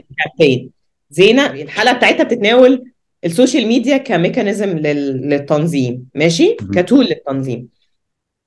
فأنا بتكلم مع زينة على نشاطها اللي بيسبق 2020 اللي هي كانت عاملة already page على على social media آه، بت report الأماكن اللي فيها cat calling ودي. بقى actually extension لتجربة غربية خالص. يعني في Catcalls New York Catcalls Egypt في كل حتة. مهم. وإزاي عملها تطور مع اشتباكها مع مح... مع تجارب تانية. يعني هي زينة بعد شوية بعد مثلا يومين ثلاثة من حملة أحمد بسام زكي بقت منظمة جوه الحملة بقت يعني ال... ال... البيج بتاعتها إنها تبقى جوه حملة أحمد بسام زكي. وعملها استمر بعديه. يعني بقت بتعمل حاجات تانية مختلفة. فكنت مهتمة إن أنا أتكلم مع زينة عشان أفهم أبعاد تعاملها كفاعل قبل وبعد آه، حملة أحمد بسام زكي وفي تطور إزاي والداينامكس كانت ما بينهم عاملة مهم. و... ف... فمثلا دي كتجربة كنت حاسة إنه آه أنا عايزة حد يتكلم معايا على كذا قضية. آه، برضو ال- الجلسة اللي بتتناقش آه، بتاعت نصدق الناجيات.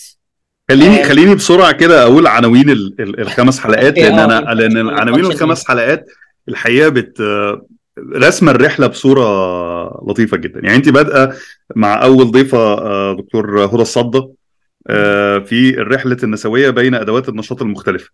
فهنا فهنا يعني كأنك بتلاقي background محترمة آه، أو بتدي narrative محترم لايه اللي إيه إيه الخلفية لكل الكلام اللي إحنا هنتكلم عليه. في ال- في الأربع خمس حلقات اللي بعد كده. وده على ما أظن كان اختيار موفق جدا ومع ضيف يعني مهم جدا ان, إن إحنا نتكلم معاه. آه. بعد كده رحتي داخلة في الغميق على طول. يعني دخلتي بقى في إيه؟ في, في أكتر حاجة controversial اللي مش مش controversial بس على المستوى okay مصر أو المجتمع العربي عموما والكلام لا هو على مستوى ال- المجتمع المدني. و و وال- والخناقة اللي أنا اللي إحنا أشرنا ليها في في نقاشنا قبل كده ما بين ال- المهتمين والناشطين في في قضايا المرأة وال- والنسويات. مع ال broader version من العمل الوطني والعمل السياسي والعمل الديمقراطي. إن systematically بيتم إسكات ال- النسويات لفترات طويلة باعتبار إن لا صوت يقع يعني لا صوت فوق صوت المعركة آه، اللي هي المعركة الأكبر اللي هي الد- الديمقراطية أو حقوق الإنسان بصورتها العامة. والخوف دايما ان إن الصوت النسوي آه، ممكن يشتت الجهود بصورة أو بأخرى. وان الواضح بقى فيه غضب وبقى فيه غضب كامل ان ان النسويات حاليا بقوا بيكافحوا ال- الناشطين زي ما بيكافحوا آه، مشاكلهم مع بقية المجتمع. فمن الحلقة الثانية على طول رحتي داخلة في تعريف إيه هم الشركاء بس يعني. آه آه بالظبط. فدخلتي على طول على لجان التحقيق كشكل من أشكال التنظيم وهنا لجان التحقيق كانت مينلي في جوه المجتمع المدني وجوه الأحزاب المدنية. أيوة. وكان فيها النقاش حوالين المرشح الرئاسي السابق وإذا كان آه، هي- هيكمل في هيعتذر ويكمل في الحملة ولا ينسحب من الحملة نتيجة لل- للتحقيق معاه آه، في في الاتهامات اللي كانت موجهة ضده. وإيه الإجراءات العقابية اللي ممكن المجتمع المدني ده اختبار على ما أظن رهيب جدا للمجتمع المدني إن هو إحنا صوتنا عالي على غيرنا. ولما نيجي بقى internally هل إحنا هنطبق اللي إحنا بنتكلم عليه ولا ولا لأ؟ ومعظم الوقت بنفشل يعني. يعني لا هو. الحقيقة العكس هو في لحظة كمان اللي حصل ده كله كان في لحظة ضعف للمجتمع المدني. آه آه. يعني كان مش صوتنا عالي وخلاص بالعكس هما كانوا في لحظة كده إحنا بنموت أصلا يا جماعة و... و... و... وكمان هننتحر. والحلقة دي كانت بالنسبة لي يعني يعني مؤلمة لأنه إحنا بنتكلم على ناس يعني بن criticize ناس بالنسبة لي مهمين و- ودورهم مهم جدا. فكان بالنسبة لي يعني مم. أنا أنا. بصوره بصوره بصورة ذكورية جدا أنا آسف يعني بصورة ذكورية جدا في تجربتي أنا الشخصية من وأنا صغير لما حد بيسألني على أي حاجة ليها علاقة بال بال- بالمشاكل ال- ال- اللي من النوع ده كنت دايما بقول لهم يا جماعة نضمن صحابي الولاد برقبتي كل حاجة. إلا الحاجات دي اي أي آه. مشكلة ليها علاقة بالبنات أنا ما أعرفهمش لأن آه. لأن لأن مهما للاسف للأسف مش مش شرط إن حد أنت عارفه في معاملاتك الشخصية إن هو حد محترم وكويس وجد. وإن ده ينفي عنه مثلا آه، تهمة إن هو أساء التصرف بصورة أو بأخرى أو حتى اتحرش لدرجة إن هو حد اتحرش بحد من دايما زمايله أو إطار إن إحنا بنشوف ال- الراجل اللي بيعنف الست دي في إطار ال- ال- الراجل السيء كله. هي آه. اللي كان مهم إن هو نفصص الحاجات دي. هو إحنا كلنا. نتاج مجتمعات مختلفة.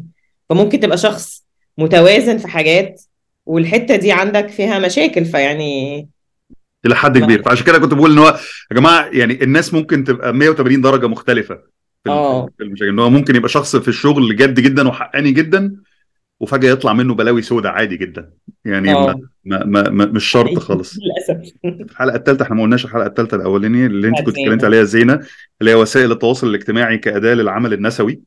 وعلى ما أظن أنت غطيتي جزء من ال من ال من الفكرة بتاعته لأنه ده يمكن كان واحد من ال motivations أصلا إن أنت تعملي ال- البودكاست آه. لأن مع التحركات والموجة بتاعت 2020 وال وال وال public sphere والرأي العام اللي كان بيتكون على ال social media الحلقة الرابعة كانت اسكات فتيات التيك توك. و و ودي الحلقة ال- يعني شايف إنها مهمة جدا وفيها جزء controversial لأن هنا السلطة والمجتمع الاثنين متحدين بصورة مرعبة و و والحقيقة يعني ان إن إحنا هنا بنتكلم على إن السلطة نفذت اللي المجتمع عاوزه مع إنه ما كان ضد القانون. يعني يعني إن القانون نفذ آه، نزعة مجتمعية أو مطالبة مجتمعية خاطئة في إخضاع البنات دي أو الرعب من انفلات ال- البنات على على التيك توك. وطبعا المشاكل الطبقية اللي ليها علاقة بالبنات دي بتعمل في كل الفلوس دي إزاي آه، على تيك توك. فأصبح القانون والسلطة أداة انتقامية في إيدين المجتمع. آه بقى عقاب on demand كده. عقاب on demand آه. فهنا إحنا بنتكلم على إن إن actually السلطة والمجتمع في نفس في نفس الصف. و- و- هو و- مجتمع وهي ذكوري بقى تقول إيه طيب. وهي ديمقراطية هي يا جماعة. أنتوا يعني السلطة والقانون بينفذوا اللي المجتمع عاوزه. يعني في إيه أحسن من كده؟ أنا مش فاهم لا جزء عاوزين- من المجتمع اللي عاوزين عايز إيه أكتر لا المجتمع الحقيقي بقى معلش. مجتمع المهمشين ده مالناش دعوة بيه الحقيقة. الحلقة الخامسة. يمكن I think واحدة من أهم الحلقات لأن هي برضو آه، يعني آه، أنا مش عاوز أستخدم كلمة controversial اعتباطا في كل مرة. بس الحلقة الخامسه اللي هي تصديق الناجيات الحلقة بالنسبة لي كانت آه، مفاجأة. يعني أنا عارف قد إيه انت شخص rational وقد إيه شخص متوازن. كويس؟ بس ال ال النقاط دي نقاط حساسة جدا. و... ويجب أن نعترف وبرضه صححيني لو أنا غلطان إن معظم الناشطين في المجال النسوي أو النشطات في المجال النسوي بسبب آه، عمومية ال... ال... ال... أزمة التحرش وعمومية ال- المشاكل ال- اللي بتحصل لل... للسيدات في مجتمعنا. في الشارع وخ... معظمهم ناجيات في حد ذاتهم. إن هم مش طبعا. ناشطين مش ناشطين بس إن هم كمان ناجيات. وده ما بيقللش اطلاقيا من موضوعيتهم ولا بيقلل اطلاقا من آه، آه، البروفيشناليزم بتاعهم لما بيكونوا بيتناولوا مع القضايا دي. لكن على ما أظن وال- والحلقة الخامسة نفسها تتكلم على على النقطة دي على موضوع التوازن. والتوازن في الأدوات ال- ال- اللي بيتم استخدامها والتوازن في آه، تطبيق تصديق النجيات وإن قد قد إيه إن حتى العاملين في وسط ال- ال- المجال ده أو المتصدرين للاكتيفيتي دي لل- للنشاط ده والتطوع ده في في في, في العمل النسوي كان عندهم إشكالية مع إزاي يتعاملوا مع الأدوات دي بصورة موضوعية. وإن النقاش كان كان كان كويس. فأنا الحلقة بالنسبة لي كانت مفاجأة جدا لأن هي كانت متوازنة جدا جدا جدا متوازنة أكتر حتى مما أنا ممكن كمستمع أكون بطلبه. آه، وبتفتح وبدون مواربة آه، ال- الاختلافات في الرأي ما بين العاملين في النشاط النسوي ما أعرفش أنا أنا بستخدم مصطلحات سليمة في التعبير عن رأيي بس في هو يعني هو actually هي الحلقة الخامسه بالذات كمان كانت بتربط كذا خيوط ببعض. مم. وكان الهدف منها هو إنه يعني بص هو ال assumption العادي المجتمعي ال- العادي عن النسويات هم إن هم منكوش شعرهم وبيقوموا يصرخوا يعني ده العادي يعني ده اللي هو التصور الذهني ال- يعني أنا دايما كده عندي دايما عندي اكسرسايز بعمله في المحاضرات بتاعتي مع الطلبة بتوعي. إن بقول لهم غمض عينك and give me the first mental image لحاجة ماشي يعني آه. كل مرة بنتكلم على حاجة فدايما كان ال- النسويات اللي هو فعلا صورة الساحرات بتوع أوروبا في القرن ال- في في العصور الوسطى اللي هو يعني آه، شعرهم منكوش صوتها عالي طول الوقت بتصرخ. ودول طلبه أجانب يعني ما هوش مصر العيب مش على مصر بس. فتسديد النجيات برضو تم تناوله في المجتمعات بتاعتنا حتى المجتمعات القريبة من النسويات بالشكل ده. اللي هو. أنتوا كلكم عايزين تصرخوا في وشنا كلكم بقى عايزين أي حاجة تصدقوها كلكم موافقين مش عارف إيه ال ال ال ال الغرض من الحلقة كانت إعادة تهيئة لل concept بتاع تصديق الناجيات كإطار سياسي إن هو يا جماعة لو كان في سبل تانية إن الناس دي تشتكي كنا هنقول تمام ندفع معاهم في إن هم يقولوا يشتكوا تاني. بس لما الدنيا تبقى متقفلة هو. محدش هينقذ واحدة ناجية غير واحدة ناجية in the process يعني هو. ما إحنا يعني عشان نبقى يعني التقارير بتاعت الامم المتحدة اللي بتقول لك إن ست- 90% من الستات في مصر تم التحرش بيهم. وده معناه إنه اللي بتشتكي هي بتشتكي لواحدة اتعرضت للي بتجرب اللي عدته بيه بس لسه ما اشتكتش. يعني شكيه in the process وال... والأزمة الثانية اللي بتواجهها إن معظم ال... يعني برضو من مصادر أخرى ومن أصدقاء تانيين من اللي بيشتغلوا في ال... أو متطوعين في المجال النسوي أو ما... أو أو مكافحة التحرش بالخصوص كانت دايما ال... الأزمة إن السيدات الأخريات اللي في المجتمع اللي بيسكتوا أصوات الشاكيات أو بيسكتوا آه، أصوات الناجيات. يعني آه آه، آه بس هو أنا يعني مش مهتمة بالت... باللي بيسكتوا قد ما بي... اللي لا لا بيتكلموا أنا أنا أنا فاهم أنا فاهم النقطة النقطة اللي أنا كنت عايز أقولها إن إن السيدات اللي بيسكتوا الأصوات دول هم نفسهم ناجيات يعني يعني إن انت إن انت آه. عندك أزمة إن كل الأطراف كل الأطراف ال- اللي في ال- اللي في الحلقة اللي مع واللي ضد مم. ممكن تصنيفهم كناجيات لأن إحنا بنتكلم في pandemic يعني آه. بنتكلم في 90% من ال- من السيدات حصل لهم كل واحد وتجربته في التعامل مع ال... ال... يعني زي ما بقول لك ما في أجيال ما كانش مطروح لهم اسم. ي... يوصف تجربتهم. فلما جه جيل تاني وقال لا طب إحنا عايزين بقى توصيفة جديدة بقى خلينا نقول كده إن في تجربة بنت الذين بنعدي بيها اسمها كذا. مش لازم يكون الجيل الأقدم أو حتى اللي حواليك متعاطف يعني منهم طبعا ستات أنا فاهمة. بس يعني قصدي ده ما يخليش هو بص هو مش الستات كلها في ظهر في بعض. هو أنا بتكلم على مجتمع قرر يتعاطف مع تجربة حاجة. يعني. في في في تأصيل نظري للي أنا بقوله. هو أنا التصديق الناجيات دي مش جاية كده من العدم. تصديق يعني في في sociologist مشهور جدا أمريكاني إيراني آصف بيات بيتكلم على ال social non-movement بيتكلم على الحراك النسوي في إيران اللي إحنا كلنا دلوقتي بن celebrate. هو بيدرسه من سنين وسنين ماشي؟ مم. كان بيأصل لفكرة إنه إزاي الستات لما بتشوف بعضها حتى في الشارع بيحصل connection ما بينهم. بيبقوا somehow part of the same movement. البنت اللي بتمشي في الشارع في إيران عندها حتة قصة باينة. فبتشوف آه واحد بيضربها لو في واحدة بنت تانية معدية الناحية التانية هي هت resonate مع العنف اللي بيحصل لها ده كأنه بيحصل لها هي نفسها لأن هو أنت اضرب المربوط يخاف السايب يعني هو. في إيران لو أنا ضربت واحدة ماشية بقصتها في الشارع فأنا بقصدكم كلكم يا اللي بقصص هلمكم في لحظة. ده اللي حصل في مصر إن هو ال- ال- نصدق الناجيات دي كانت هي ال social non-movement بتاعت الستات إن. هو بنات تانية قررت إنه قضيتك هي قضيتي أنا مصدقاكي أنا عارفة. يعني هي لما تقول لها إن أنا آه، حاجة من أصل آه، ال- الحلقة دي بتتناول القضايا بتاعت إسلام عزازي اللي هو. راجل ذو انفلونس كبير في مجال السينما آه مش مخرج مشهور للعامة بس في مجال السينما البديلة هو يعني مهم جدا. آه، وفي بنات وقعت تحت إيديه في نفس اللحظة اللي هي قدامهم ال ال ال ال ال يعني ال ال مش يعني المثل الأعلى بيتكسر.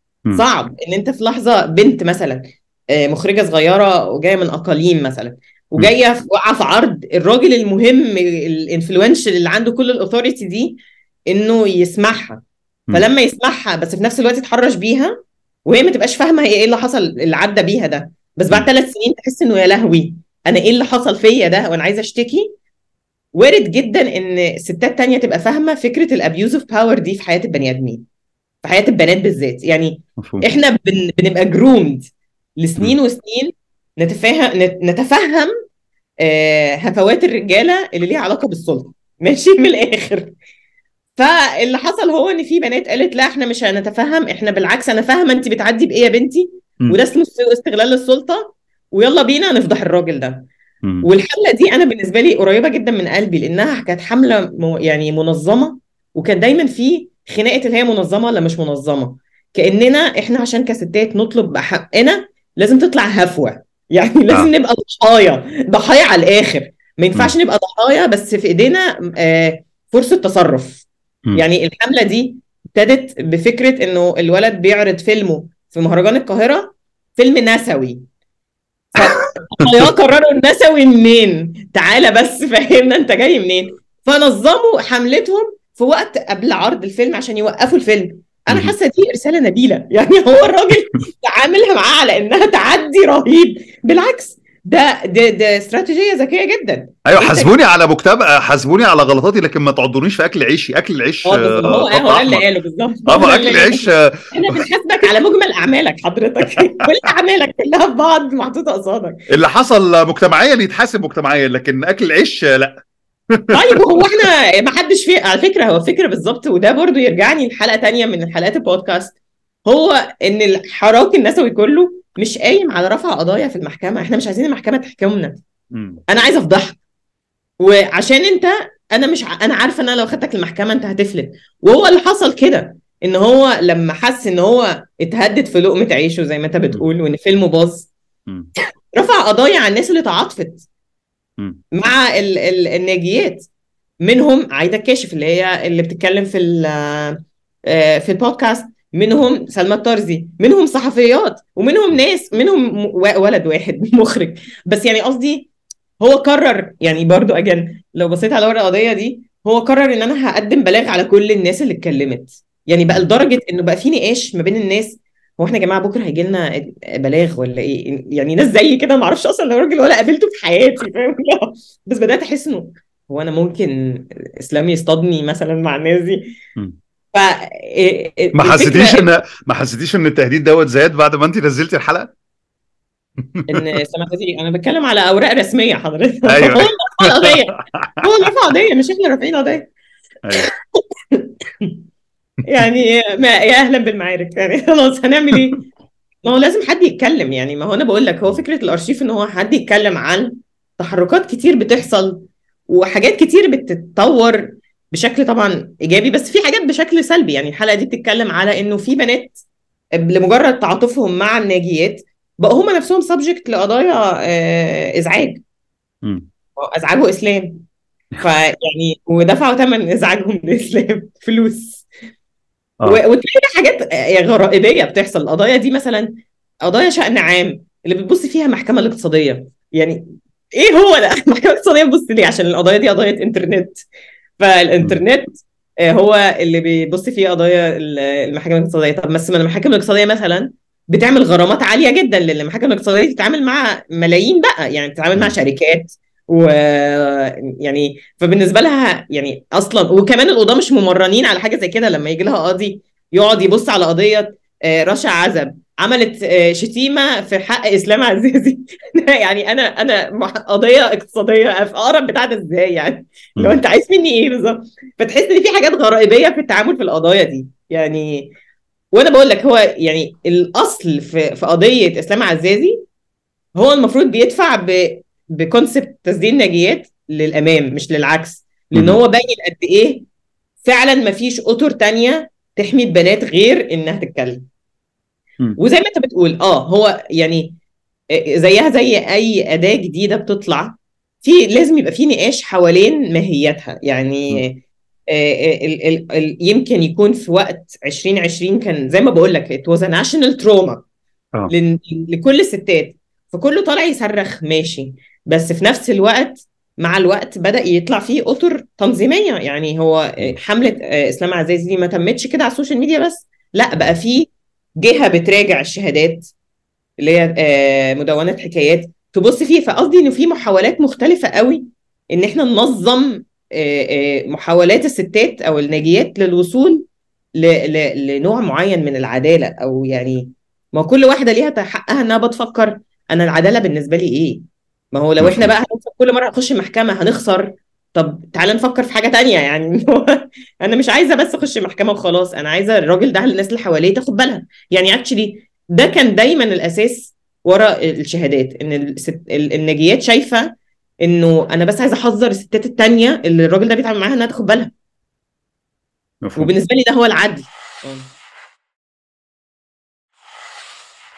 ريم لو إحنا مرينا بال- بالخمس حلقات آه، كده هو تجربتك مع مع الخمس حلقات البودكاست. إيه الحاجات اللي انت كان نفسك تغطيها وما تغطيتش في الخمس حلقات دول؟ لا في حاجات كتير يعني في حاجات كتير قوي قوي. بس هو على حسب انت أنا كنت مهتمة اني ا map out كده أو أرشف لاشتباكات نسويه مهمة في الساحة. فلو أنا قلت كده مثلا ما أقدرش أغفل الاشتباك ال- ال- ال- ال- اللي حصل من فترة قريبة جدا اللي قامت بيه مثلا آه، هدى نصر الله من المبادرة المصرية آم، في رفع قضية لتفعيل المادة الثالثة من الدستور مثلا القضية بتاعت هدى راجعة لشأن آه، يعني اهتمام شخصي عندها. بفكرة تفعيل المادة الثالثة وهي المادة اللي بتضمن إنه كل طائفة دينية بتطبق شرائع طائفتها. في الميراث والزواج obviously. بس يعني قصدي هي مهتمة بقضايا الميراث. آه، الوضع في مصر في الحالة مثلا هو إنه المحاكم لما بيوصل لها قضايا ورث آه، فيها طرف آه، ستات مسيحيات بتحكم بالشرع. بالشرع بالشريعة الإسلامية. الشريعة الإسلامية. مفهوم. آه، فهدى كانت مهتمة بالقضية دي وحصل حادثة يعني شخصية إن باباها توفى و- واتفقت مع إخواتها إنه تحرك القضية دي. فيعني كان بالنسبة لي ملهم جدا الواحد يشوف قد إيه تجاربنا الشخصية لصيقة بالمجال العام وقد إيه إحنا بدفع مننا للقضايا الشخصية بتاعتنا نتكلم عنها آم، بتأثر في المجال العام. فهو ده كمحامية رفعت قضية ممكن حد تاني ككاتب يكتب يعني قصدي كل في مجاله ممكن يغير. هدى رفعت القضية آم، آه، وهي يعني ال ال الوكيل لا مش الوكيل يعني هي قصدي فرد من من البارتيز يعني بتوع القضية بس هي المحامي. والقضية تطورت بشكل سريع ومبهر يعني بقى عندها دلوقتي عدد كبير من القضايا من من المحاكم ال- المس- الدرجة الأولى يعني. بتحكم برفع القضايا لمستوى أعلى آه علشان آه ي- الستات تحصل على الميراث اللي المفروض تحصل عليه في خلال من خلال شرائعها المسيحية يعني. مم. والقضية وصلت للمح- للمحكمة الدستورية. يعني في خلال بقى الرحلة دي اللي هي متهيألي أظن عدت بسنتين مثلا في التقاضي نقاش كبير جدا في المجتمع عن هو الستات المسيحيات المفروض يطبق عليها الشريعة ولا لأ. وطبعا مهم إن ال- ال- الحوار ده يتعمل في في في المجال المصري. آه، يعني وأنا فاهم طبعا ليه ممكن الناس يبقى شايفة إن ده سؤال شائك أو مجال آه، شائك من النقاش بس ده سؤال قانوني ودستوري في نفس الوقت واضح وصريح. وبيبقى في مفارقات بقى مختلفة زي مثلا إن أكيد في رجالة مسيحيين كانوا مهتمين جدا إن يفضل تطبيق ال- الميراث آه. ل- لتطبيق ال- الشريعة الإسلامية لأن هو بيديهم اللي ذكر مثل حظ ف فبيبقى هو بياخد ضعف ال- التركة بتاعت أخته فبيبقى ببساطة جدا هو في صالحه إن هو يفضل يتحكم الشريعة بال- لا ما هو ده برضو بيرجعني لايه أصل اهتمامي بالقانون نفسه ك يعني ما هو القانون بالنسبة لي هو خناقة باور يعني هي ليها علاقة ب مين اللي عنده السلطة يقدر يفرض سيطرته في القانون. يعني هو زي ما أنت بتقول كده المسيحي الذكر الذكر شايف إنه ال ال الإطار القانوني والمحاكم بتنصفه هو مهتم بال privilege بتاعته هو يعني مش عايز حاجة تانية. فإيه اللي يخليه يعني صعب إنك تطلب من حد صاحب privilege إنه يتخلى عنها من أجل التخلي عنها. لازم يكون حد هو نفسه مهتم بعمل مراجعة يعني بفهم هو أنا إيه آه، مجال سلطتي وأنا بمارسها بالشكل ده ليه يعني. بس هي القضية بتلمس مع حاجات كتير منها إنه وضع ال ال ال ال ال هي مش ماينوريتي بس هي مجتمع المسيحي في ال- في القانون المصري عامل إزاي. يعني القضية كانت قضية صغيرة جدا لترسيم ميراث لشخص تحولت لنقاش أوسع قوي. و... وبينت قد إيه القانون ما هوش أصل ده نقاش قانوني خليه في المحكمة. لا هو نقاش قانوني بيصب في أصل الناس عايشة إزاي وبتدار إزاي و... والدولة والقانون شايفاهم إزاي. ما هو برضو ده في حاجة سؤال امبيريكال في سؤال المفروض الواحد يفهمه. هو القانون شايف المرأة المسيحية عاملة إزاي؟ يعني شخصية عاملة إزاي؟ حقها إيه؟ إيه مجال حركتها؟ مسموح لها بإيه ومش مسموح لها بإيه؟ ده مهم إن الناس تبقى يعني بتتكلم فيه. فدي قضية من القضايا اللي أنا كان نفسي جدا طبعا آه، أتناولها.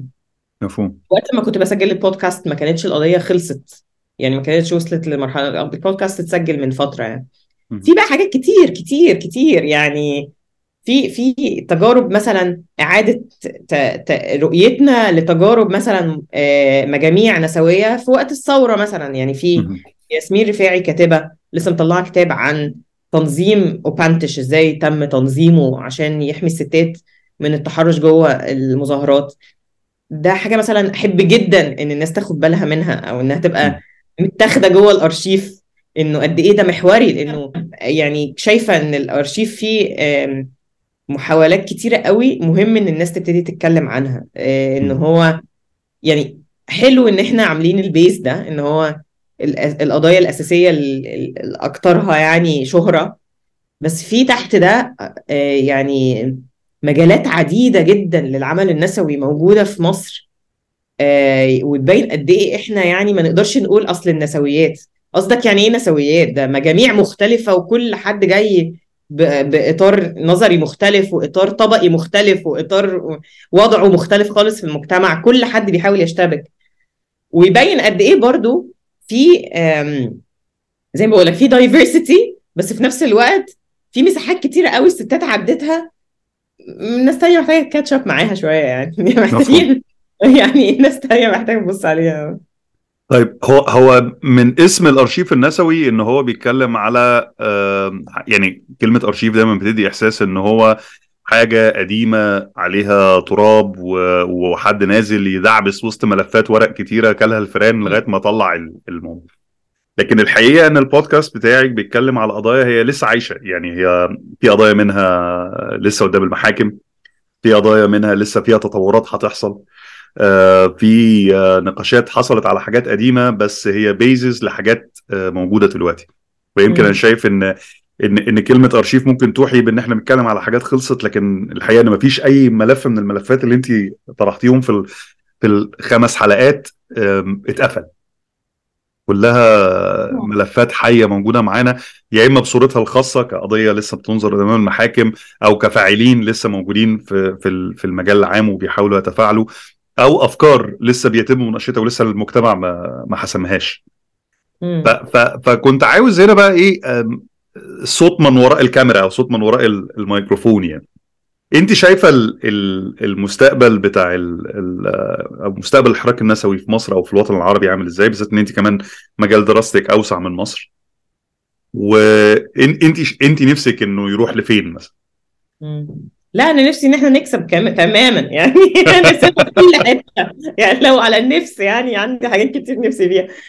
لا بص هو يعني خليني أقول لك إن الأرشيف بالنسبة لي يعني أنا ببص للأرشيف أو أنا عندي هم شخصي بالأرشفة كفاعل ongoing كتجربه معايشة. يعني أقول لك إيه أنا مش بشوف الأرشيف يعني قصدي أرشيف ده يعني بالنسبة لي again لما بقول لك اللي هو الطلب بتاع ال visual image من الطلبة بتاعي. يعني ما ال visual image of الأرشيف هو دار وثائق آه، على في بولاق مبنى أربعة أدوار concrete آه، مبني على الطريق السوفيتي بعيد خالص عني وعمري ما هخش. يعني هو it gives you gives off the vibe إنك عمرك ما هتخش ولو دخلت ما أنتش خارج كده. تحس في حاجة مرعبة. كأن مفهوم. الأرشيف دي حاجة يعني ما مش مش ملكك خالص فأنا مثلا في الدكتوراه وفي ال- في البودكاست دايما مهووسة بفكرة الأرشيف علشان أبين قد إيه الأرشيف دي حاجة ongoing دي حاجة خناقة دايرة يا جماعة على فكرة مين اللي هيحكي قصة القصة دي. مين اللي هيقدر يقول لنا إيه اللي حصل دلوقتي مين مين اللي في الأرشيف النسوي عنده السلطة إنه يقول لنا إن المعارك دي مهمة في الوقت ده. الرواية الرسمية هو إن الستات الحراك النسوي هو الحراك المؤسسات الرسمية النسوية ال registered ال NGOs. اللي بتشتغل بقى مع المجلس القومي للمراه بتشتغل مع UN Women اللي هو حاجات يعني أطر مهمة أنا ما بقولش لأ.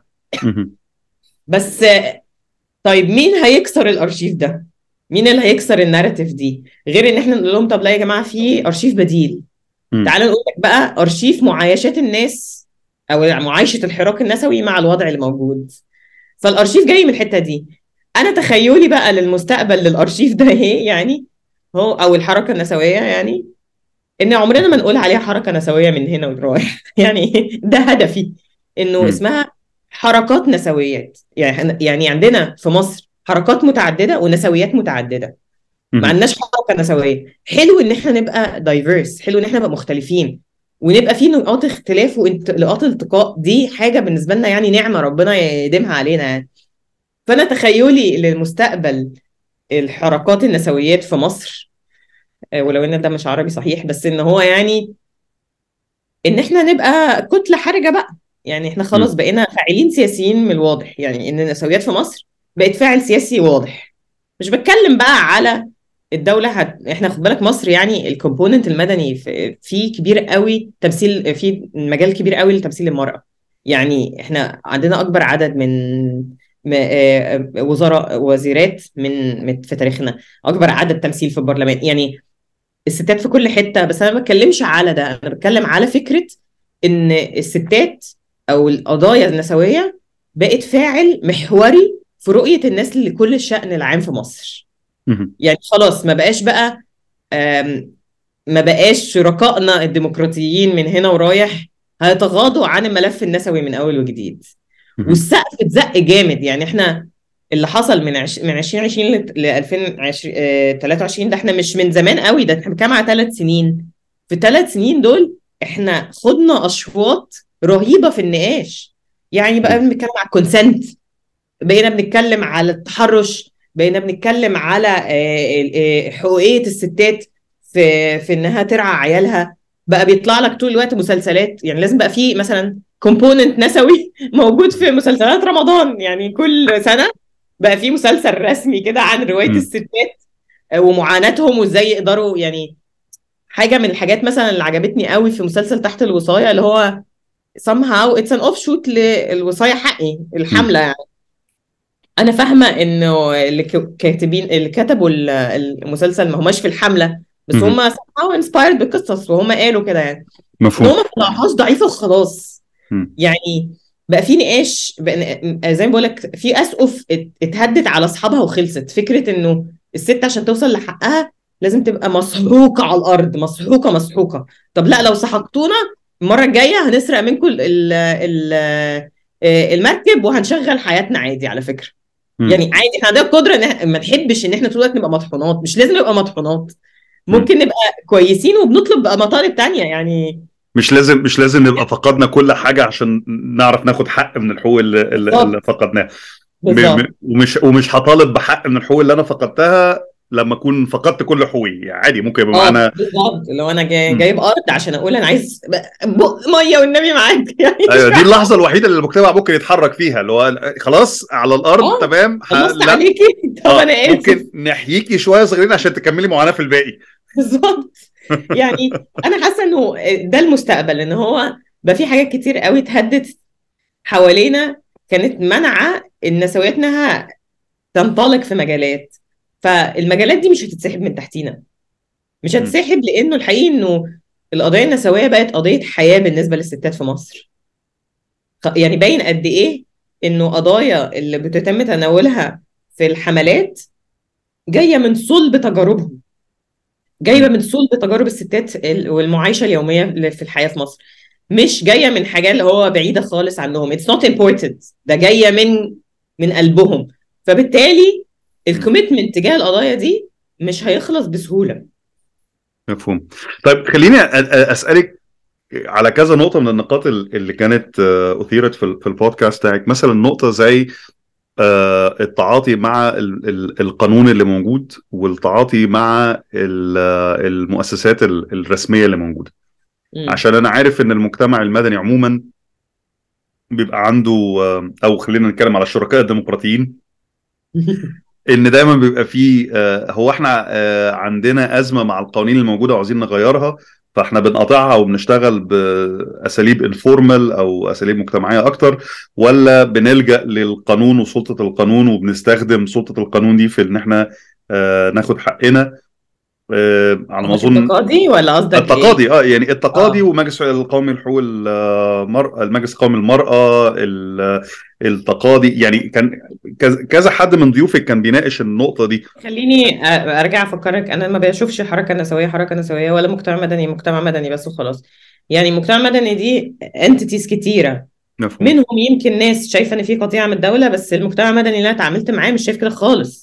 بالعكس هو يعني منظمات المجتمع المدني اللي أنا ايذر بقى اشتغلت معاها أو اشتغلت جواها كانت شايفة إنه أي مجال للتغيير هيخش جواه. يعني وبالتالي برضو ده اللي بيخليني أحس إنه المجاميع النسوية أو خليني أقول لك ان المجاميع النسوية أشكالها مختلفة أشكال وألوان. في منهم نسويات دولة ودي actually ده اللي كنت بتناقش فيه مع دكتور هدى في الحلقة الأولانية. في ستات أو sorry نسويات شايفة إنه المجال الأساسي للتغيير هو من تعديلات القوانين. فنشتغل من اللجنة من خلال ال channels بتاعت الدولة. في ناس شايف- شايفاه إنه من representation بيخشوا برلمان يخشوا في مجالس محلية لو في مجالس محلية. في ناس تانية شايفة إنه في طرق تانية لتأثير تأثير على القانون منها اللي هي التقاضي اللي أنا بدرسه. وهو التقاضي ده ما اسموش أنا بغير من خلال ال channels بتاعت الدولة. هو انت التقاضي ده انت بتلاعب موازين القوة اللي موجودة سواء في المجتمع أو في عملية تغيير القانون بأشكال تانية غير خلال الشانل بتاعت الدولة. يعني مثلا ال ال القضية بتاعت هدى نصر الله اللي إحنا كنا بنتكلم عليها. ماشي؟ دي تقاضي تقاضي استراتيجي. فالخطوة الأولى إن إحنا نرفع قضية. ماشي؟ القضية دي فرصة لل- لل- للحقوقيين إن هم يس... ي- يرتبوا أفكارهم أنا ليه شايف القانون ده لأ. فهو actually هي دي ودي ترجع لفكره ال archive دي archivable archi... يعني artifact document بتقول لنا الحقوقيين شايفين القانون ده مشكلة ليه. ماشي؟ قصادهم بترد الدولة. بتقول لهم آه والله عندك حق زي في قضية آه، آه، هدى. عندك حق آه، فعلا المسيحيات مش المفروض تخضع للشريعة في الورث.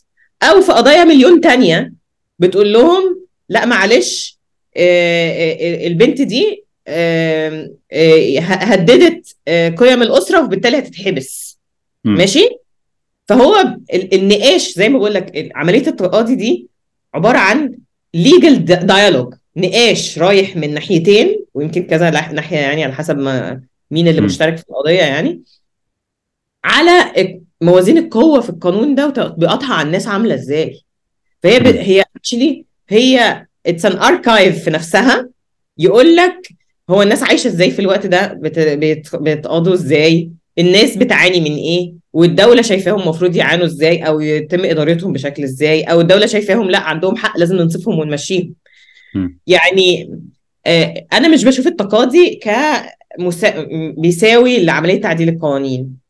أوكي. هو طريقة تانية لت... ل... ل... ل... لتغيير القوانين أو تغيير موازين القوى حوالين القانون نفسه مم. ماشي فالنسويات ما عندهاش commitment للعمل من خلال الدولة حصل. إنه في شغل كتير قوي مثلا زمان كان شغل grassroot وبيجي فرصة إنه في opening في political opportunity الدولة قررت أو الست ال first lady قررت إنه طب إحنا هنعدل قانون نعمل قانون خلع مثلا. ما قانون الخلع كان كده. هو كان بيبقى دايما بالنسبة لنا في الأرشيف العادي في الناراتيف العادية إن هي سوزان مبارك حطته وخلاص وهي اللي عملت الخناقة وإزاي وإزاي هنعمل تلفيق ومش عارف إيه. هو أصل الرواية بقى إن القض... إن قانون الخلع ده كان على على يعني طاولة النقاش النسوي لسنين وسنين وسنين. عمل كبير قوي ناس كتير شاركت فيها بأشكال مختلفة. حصل في opening إن إن إن السيدة الأولى قررت إن أنا هساعد. فهي shifted ده وراحت مع مع مع املاكه challenge بس ما النسويات ما عندهاش commitment العمل للدولة خالص. مم. هو يمكن الجديد هو الطرح بتاع ال transformative justice فكرة مم. اللجان التحقيق آه. أو ال ال الأساليب الجديدة للوصول أو الحصول على العدالة.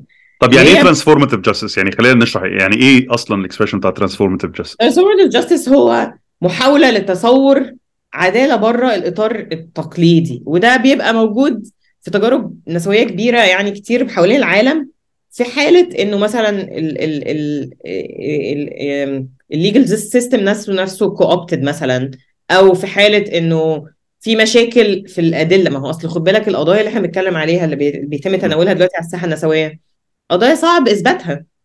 يعني أي بنت من البنات اللي كانت بتتكلم ضد أحمد بسام زكي لو ما عندهاش screenshots مليون واحدة دول ضده فتبين في pattern كان ممكن يبقوا dismissed عادي. وممكن قاضي تاني كان ممكن في إطار تاني يحس إنه ده مش دليل كفاية ده يعني ده شهادتها ضد شهادته يلا مشي القضية. فالفكرة كلها جاية من تجاربنا القديمة إنه في القضايا دي لما بتترفع يا جماعة في في في المحاكم ما بتكسبش وكمان جاية من فكرة وده بيرجعني للجان التحقيق إن هو ال- الجهة اللي أنت بتحاول تفضح العامل فيها زي هي المجتمع المدني هو أصلا subject للضغط من الدولة جامد. فبدل ما آه، نسلم ال- المؤسسة دي للدولة وتبان يعني مش تبان هي طبعا الحاجات دي process م. علنية يعني بس قصدي بدل ما تسلمها لإيد الدولة أنا عايزة أوصل لإطار تاني. فالإطار ده ده ده مفهوم كبير وتحتيه process كتيرة قوي. يعني منها إنه زي ما بقول لك لجان تحقيق منها مثلا إن إحنا نطلع channels تانية الستات تقدر تكسبرس نفسها بين من منها اللي هو تسديد نجيات من خلال عمل سياسي بحاول حقيقي. فقصدي إنه ده ممكن يكون بقى يعني نقاش ممكن يتاخد بشكل أوسع في مجالات أوسع غير نسوية ويبقى ده مش يعني كونتريبيوشن نسوي جامد في الفترة اللي جاية في المستقبل إن هما الناس تبتدي تتكلم على إيه هي العدالة يا جماعة في القضايا اللي هي فيها أذية جسدية بالشكل ده؟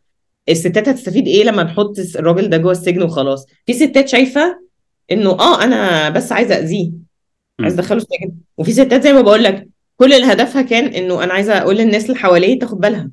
أو في ستات شايفة إنه أنا عايزة ايزوليتهم الراجل ده خطر على المجتمع وأنا عايزة عقابه يجوا من أصحابه. يعني في اكشلي ناس كانت ده هدفها الأساسي. إن مجتمعه يحاسبه. مثلا زي قضية إسلام عزازي. إسلام عزازي المشكلة إنه كان في لسبب لدرجة كبيرة للأسف تواطؤ مع إسلام. يعني أنتوا تصور المجتمع عن المجال الس- السينماتوجرافي يعني. مم. هو متقدمي والستات فيه ممثلة. ويلا وإحنا إبداع وفن وجمال. هو اللي حصل إيه غير إن إسلام عادي يعني عادي في بيته مفيش أي حاجة يعني ما مفيش أي مشاكل.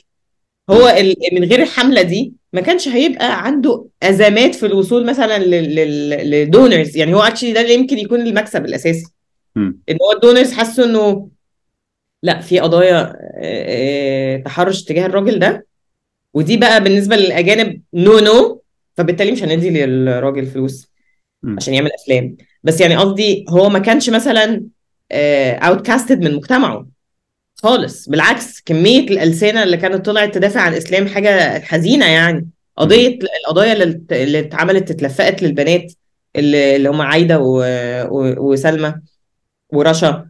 ما حدش ready يوافق يشهد ضد إسلام. يعني قصدي إن هو بيبين لك قد إيه المجتمعات محتاجة تك... المجتمعات دي محتاجة تتناقش هو إيه العدالة يا جماعة؟ بعيد عن الإطار بتاع القانون. مم. اللي هو اللي هو الحقيقي إن تأثير فيه في في مجتمع زي مصر صعب مش سهل يعني.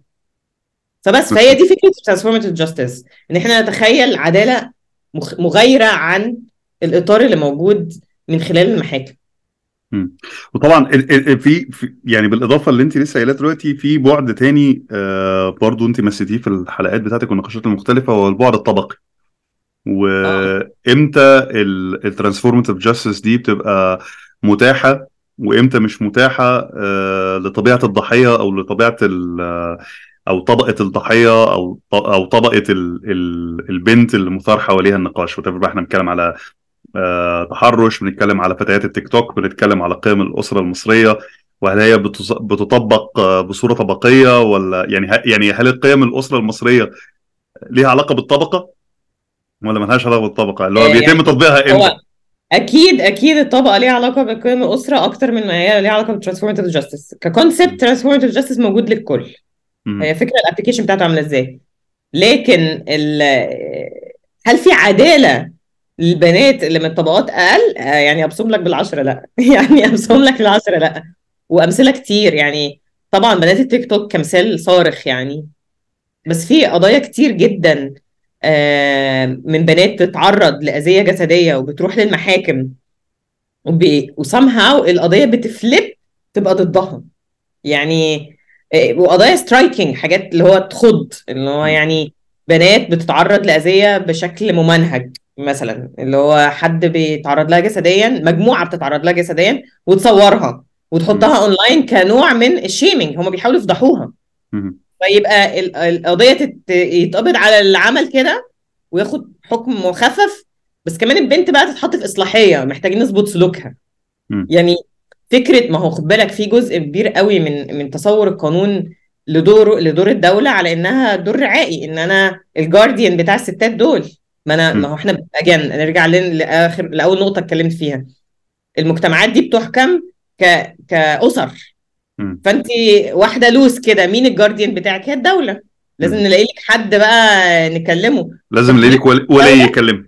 طالما باباك آه مش فال- موجود فالولي فال- ده هيحطك جوه إصلاحية نحسن منها سلوكك فترجعي بقى آه، ربة أسرة عادية. فيعني قصدي انه لا طبعا الطبقة ظاهرة جدا. في آه، في في تعامل الدولة مع قضايا الستات.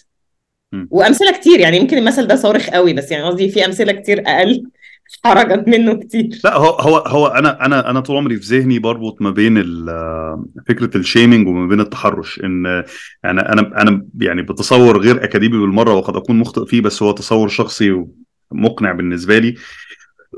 إن نسب التحرش في مصر زادت آه، بصورة كبيرة جدا آه، متزامنة مع المنابر اللي في المساجد اللي كان مسيطر عليها السلفيين آه، بصورة كبيرة اللي بتتكلم على إن ال- المرأة مكانها مش الشارع المرأة مش مكانها العمل المرأة المفروض تبقى محتجبة آه، ومحجوبة من المجال العام مش موجودة في المجال العام. وبتشجع الرجالة إن هم آه، يغضبوا لما في أي صورة من الصور يشوفوا المرأة في المجال العام.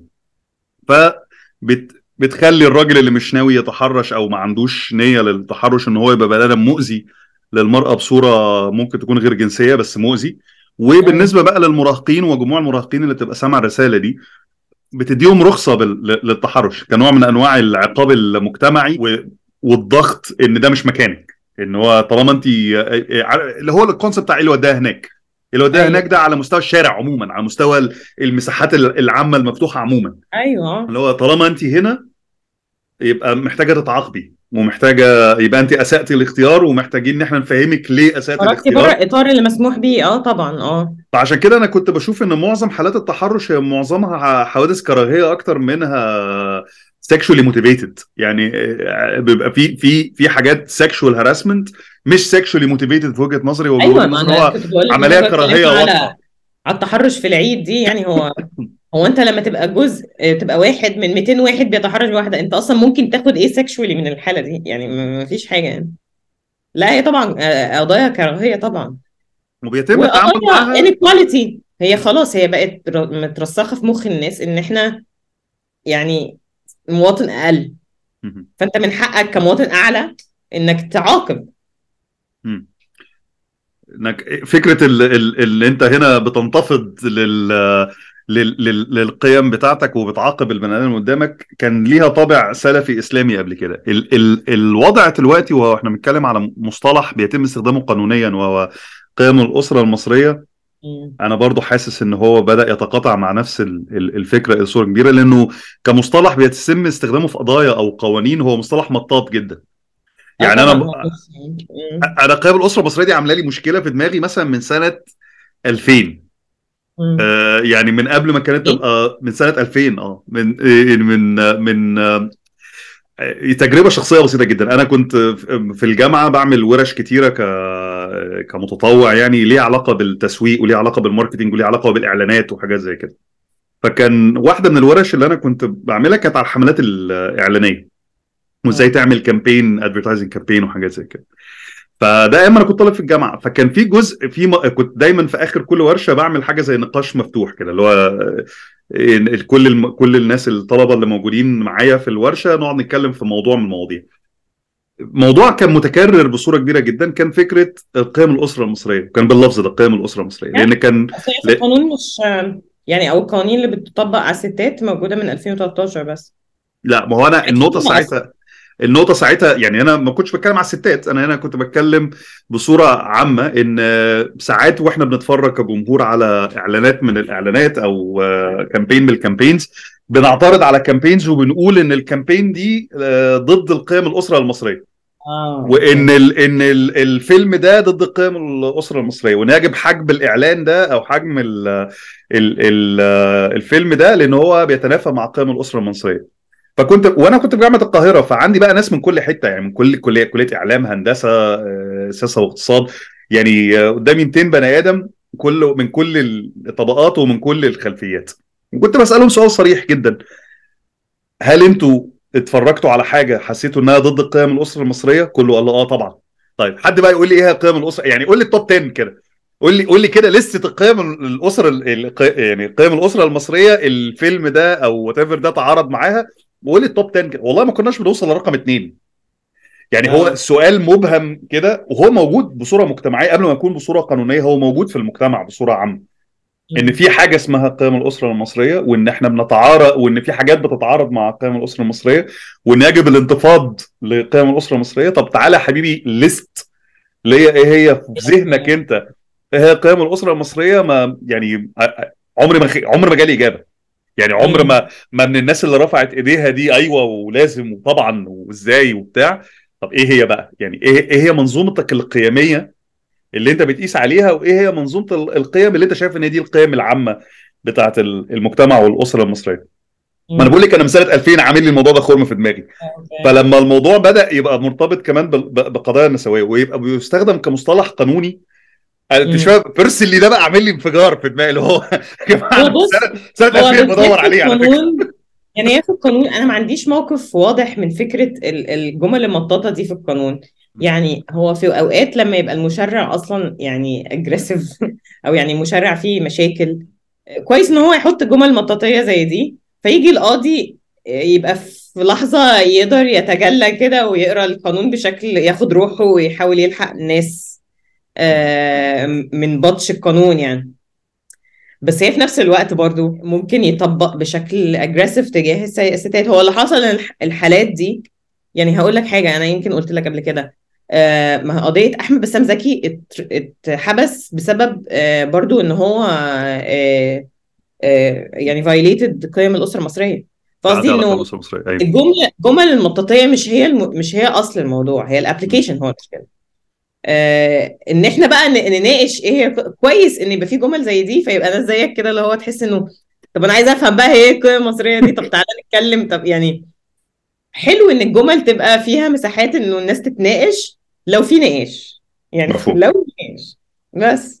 طيب فأنا طولت عليكي آه، جدا وكان في حاجات كتيرة قوي أنا أنا في حاجات كتيرة عاوزين نتكلم عليها بس أنا أهم حاجة أنا بدعو الجميع إن هو آه، يسمع البودكاست آه، بتاع ريم أرشيف العمل النسوي صح أنا بقول اسمه صح اسمه كده أرشيف العمل النسوي؟ الارشيف العمل النسوي آه. أرشيف العمل النسوي اللي موجود على جلسة فلو الناس عملت search على سبوتيفاي أو على ابل بودكاست جوجل بودكاست whatever إيه ال podcast ال platform اللي أنتم بتستخدموه. أو رحتوا لل website بتاع آه، مبادرة الإصلاح العربي. آه، مظبوط أنا برضو بقول الأسامي مظبوطة. بالظبط. آه آه، هتلاقوا البودكاست بتاع ريم وريم أرجو إن انت تكملي البودكاست أرجو إن البودكاست ده يكمل. أرجو إن هو ده نعتبر. أول أول خمس حلقات دول إن هم season 1 آه، one... ممكن. ونبدأ نتكلم بقى على season 2 season 3 وإن هو يبقى مكمل معانا شوية لأن المواضيع كبيرة. آه طبعا أنا أحب أكمل طبعا. بس يعني ناخد استراحة محارب نخلص دكتوراه ونرجع تاني.